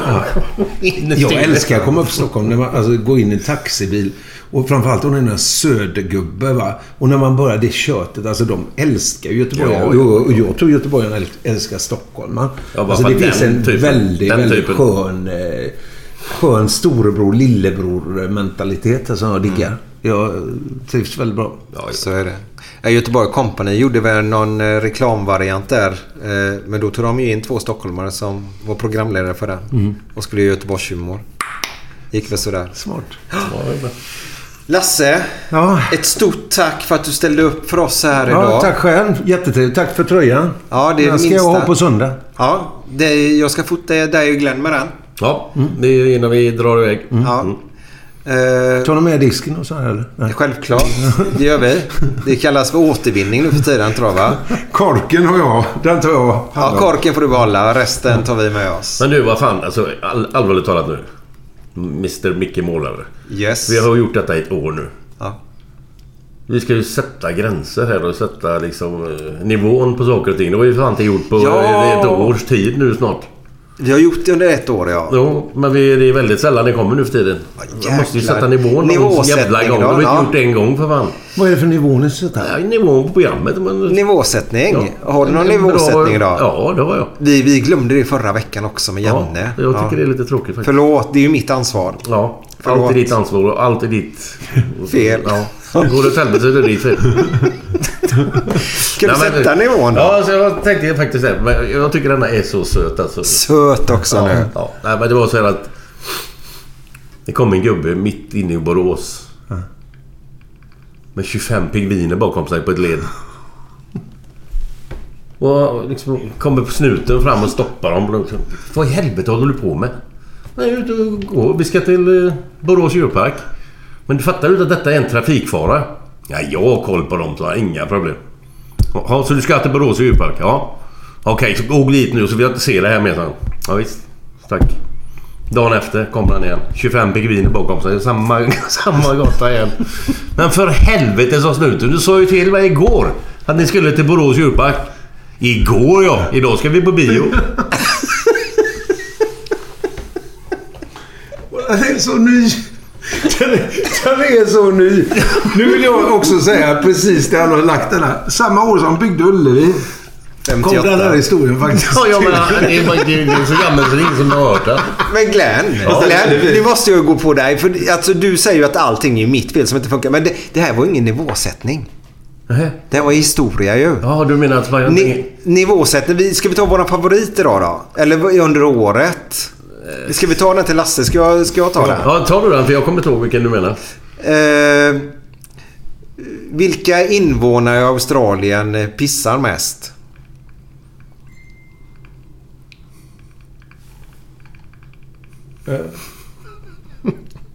Nej.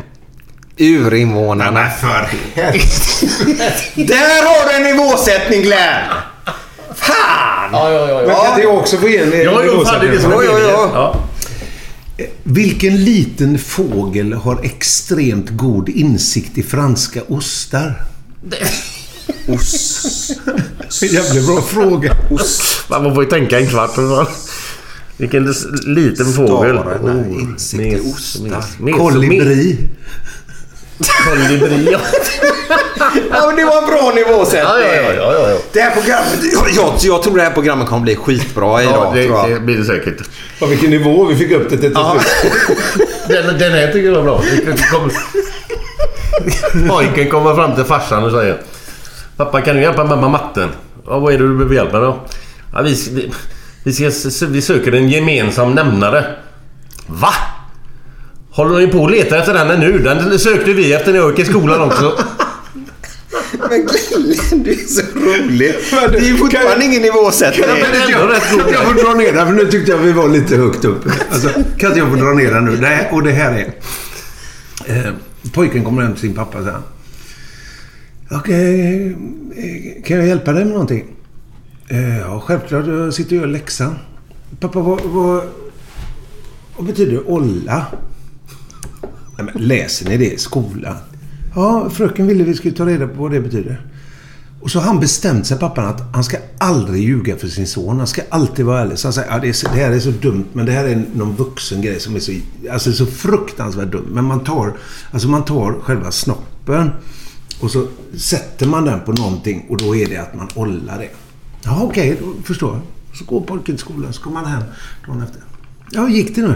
Du hade ju helt fel, pappa. Min spanska fröken, fröken sa att det betyder hej. Han var grym ju.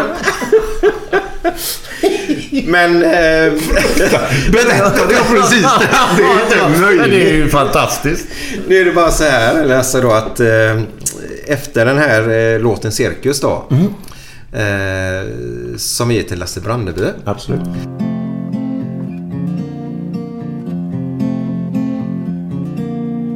Och jag tänkte mig en cirkus. Den allra finaste som getts. Röda lampor kring manegen.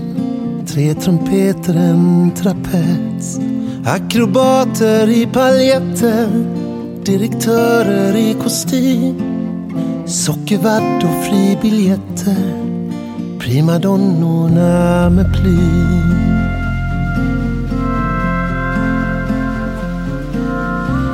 Inga tama elefanter Inga clowner, ingen gråt. Inga avsågade tanter Ingen ängslan efteråt. Där är grannar och kusiner Och en häst du aldrig sett. Trollerier där kaniner Gör kaniner rätt och slätt.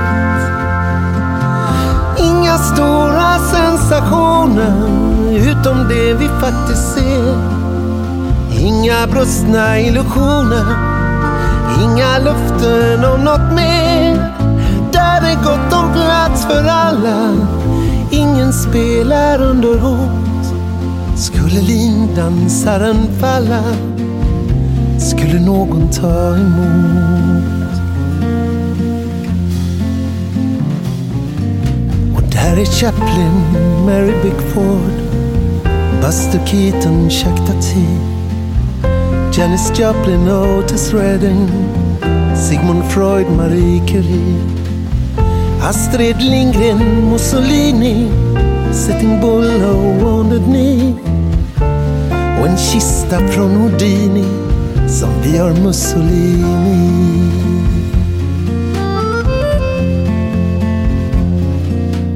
Gertrude Stein och Barbro Alving åker rullskridskor i spån. Oscar Wilde och Karin Boye skrattar gott en bit ifrån. Barn och hundar och en särskild hund du kände sen förut. I en enda föreställning utan början eller slut.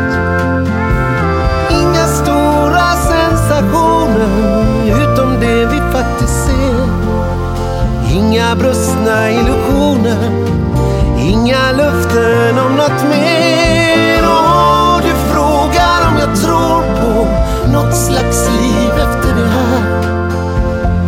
Du, jag tänker mig en cirkus dit vi kommer som vi är.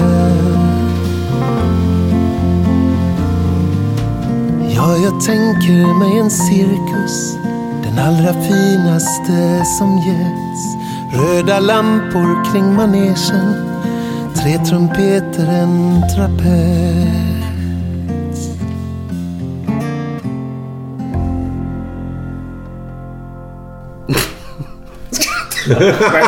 ja, den här är bra tycker jag faktiskt. Orkanen till eh, kokospalmen. Du... Eh, nu får du hålla i dina nötter. För det här är inget- blir inget vanligt jävla blowjob.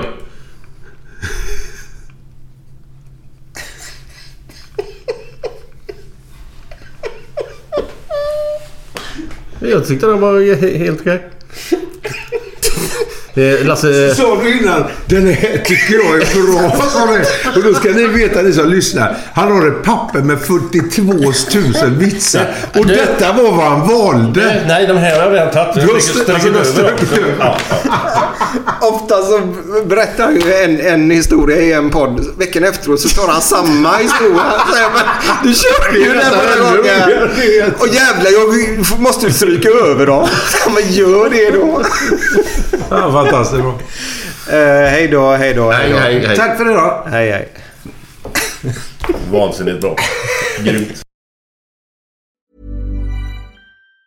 Even on a budget, quality is non-negotiable. That's why Quince is the place to score high-end essentials at 50 to 80% less than similar brands. Get your hands on buttery soft cashmere sweaters from just 60 bucks, Italian leather jackets, and so much more. And the best part about Quince, they exclusively partner with factories committed to safe, ethical, and responsible manufacturing. Elevate your style without the elevated price tag with Quince. Go to quince.com slash upgrade for free shipping and 365-day returns. Hold up. What was that? Boring. No flavor. That was as bad as those leftovers you ate all week. Kiki Palmer here, and it's time to say hello to something fresh and guilt-free. Hello Fresh. Jazz up dinner with pecan-crusted chicken or garlic butter shrimp scampi. Now that's music to my mouth. Hello Fresh. Let's get this dinner party started. Discover all the delicious possibilities at hellofresh.com. Even when we're on a budget, we still deserve nice things. Quince is a place to scoop up stunning high-end goods for 50 to 80% less than similar brands. They have buttery soft cashmere sweaters starting at $50, luxurious Italian leather bags, and so much more. Plus, Quince only works with factories that use safe, ethical, and responsible manufacturing. Get the high-end goods you'll love without the high price tag with Quince. Go to quince.com slash style for free shipping and 365-day returns.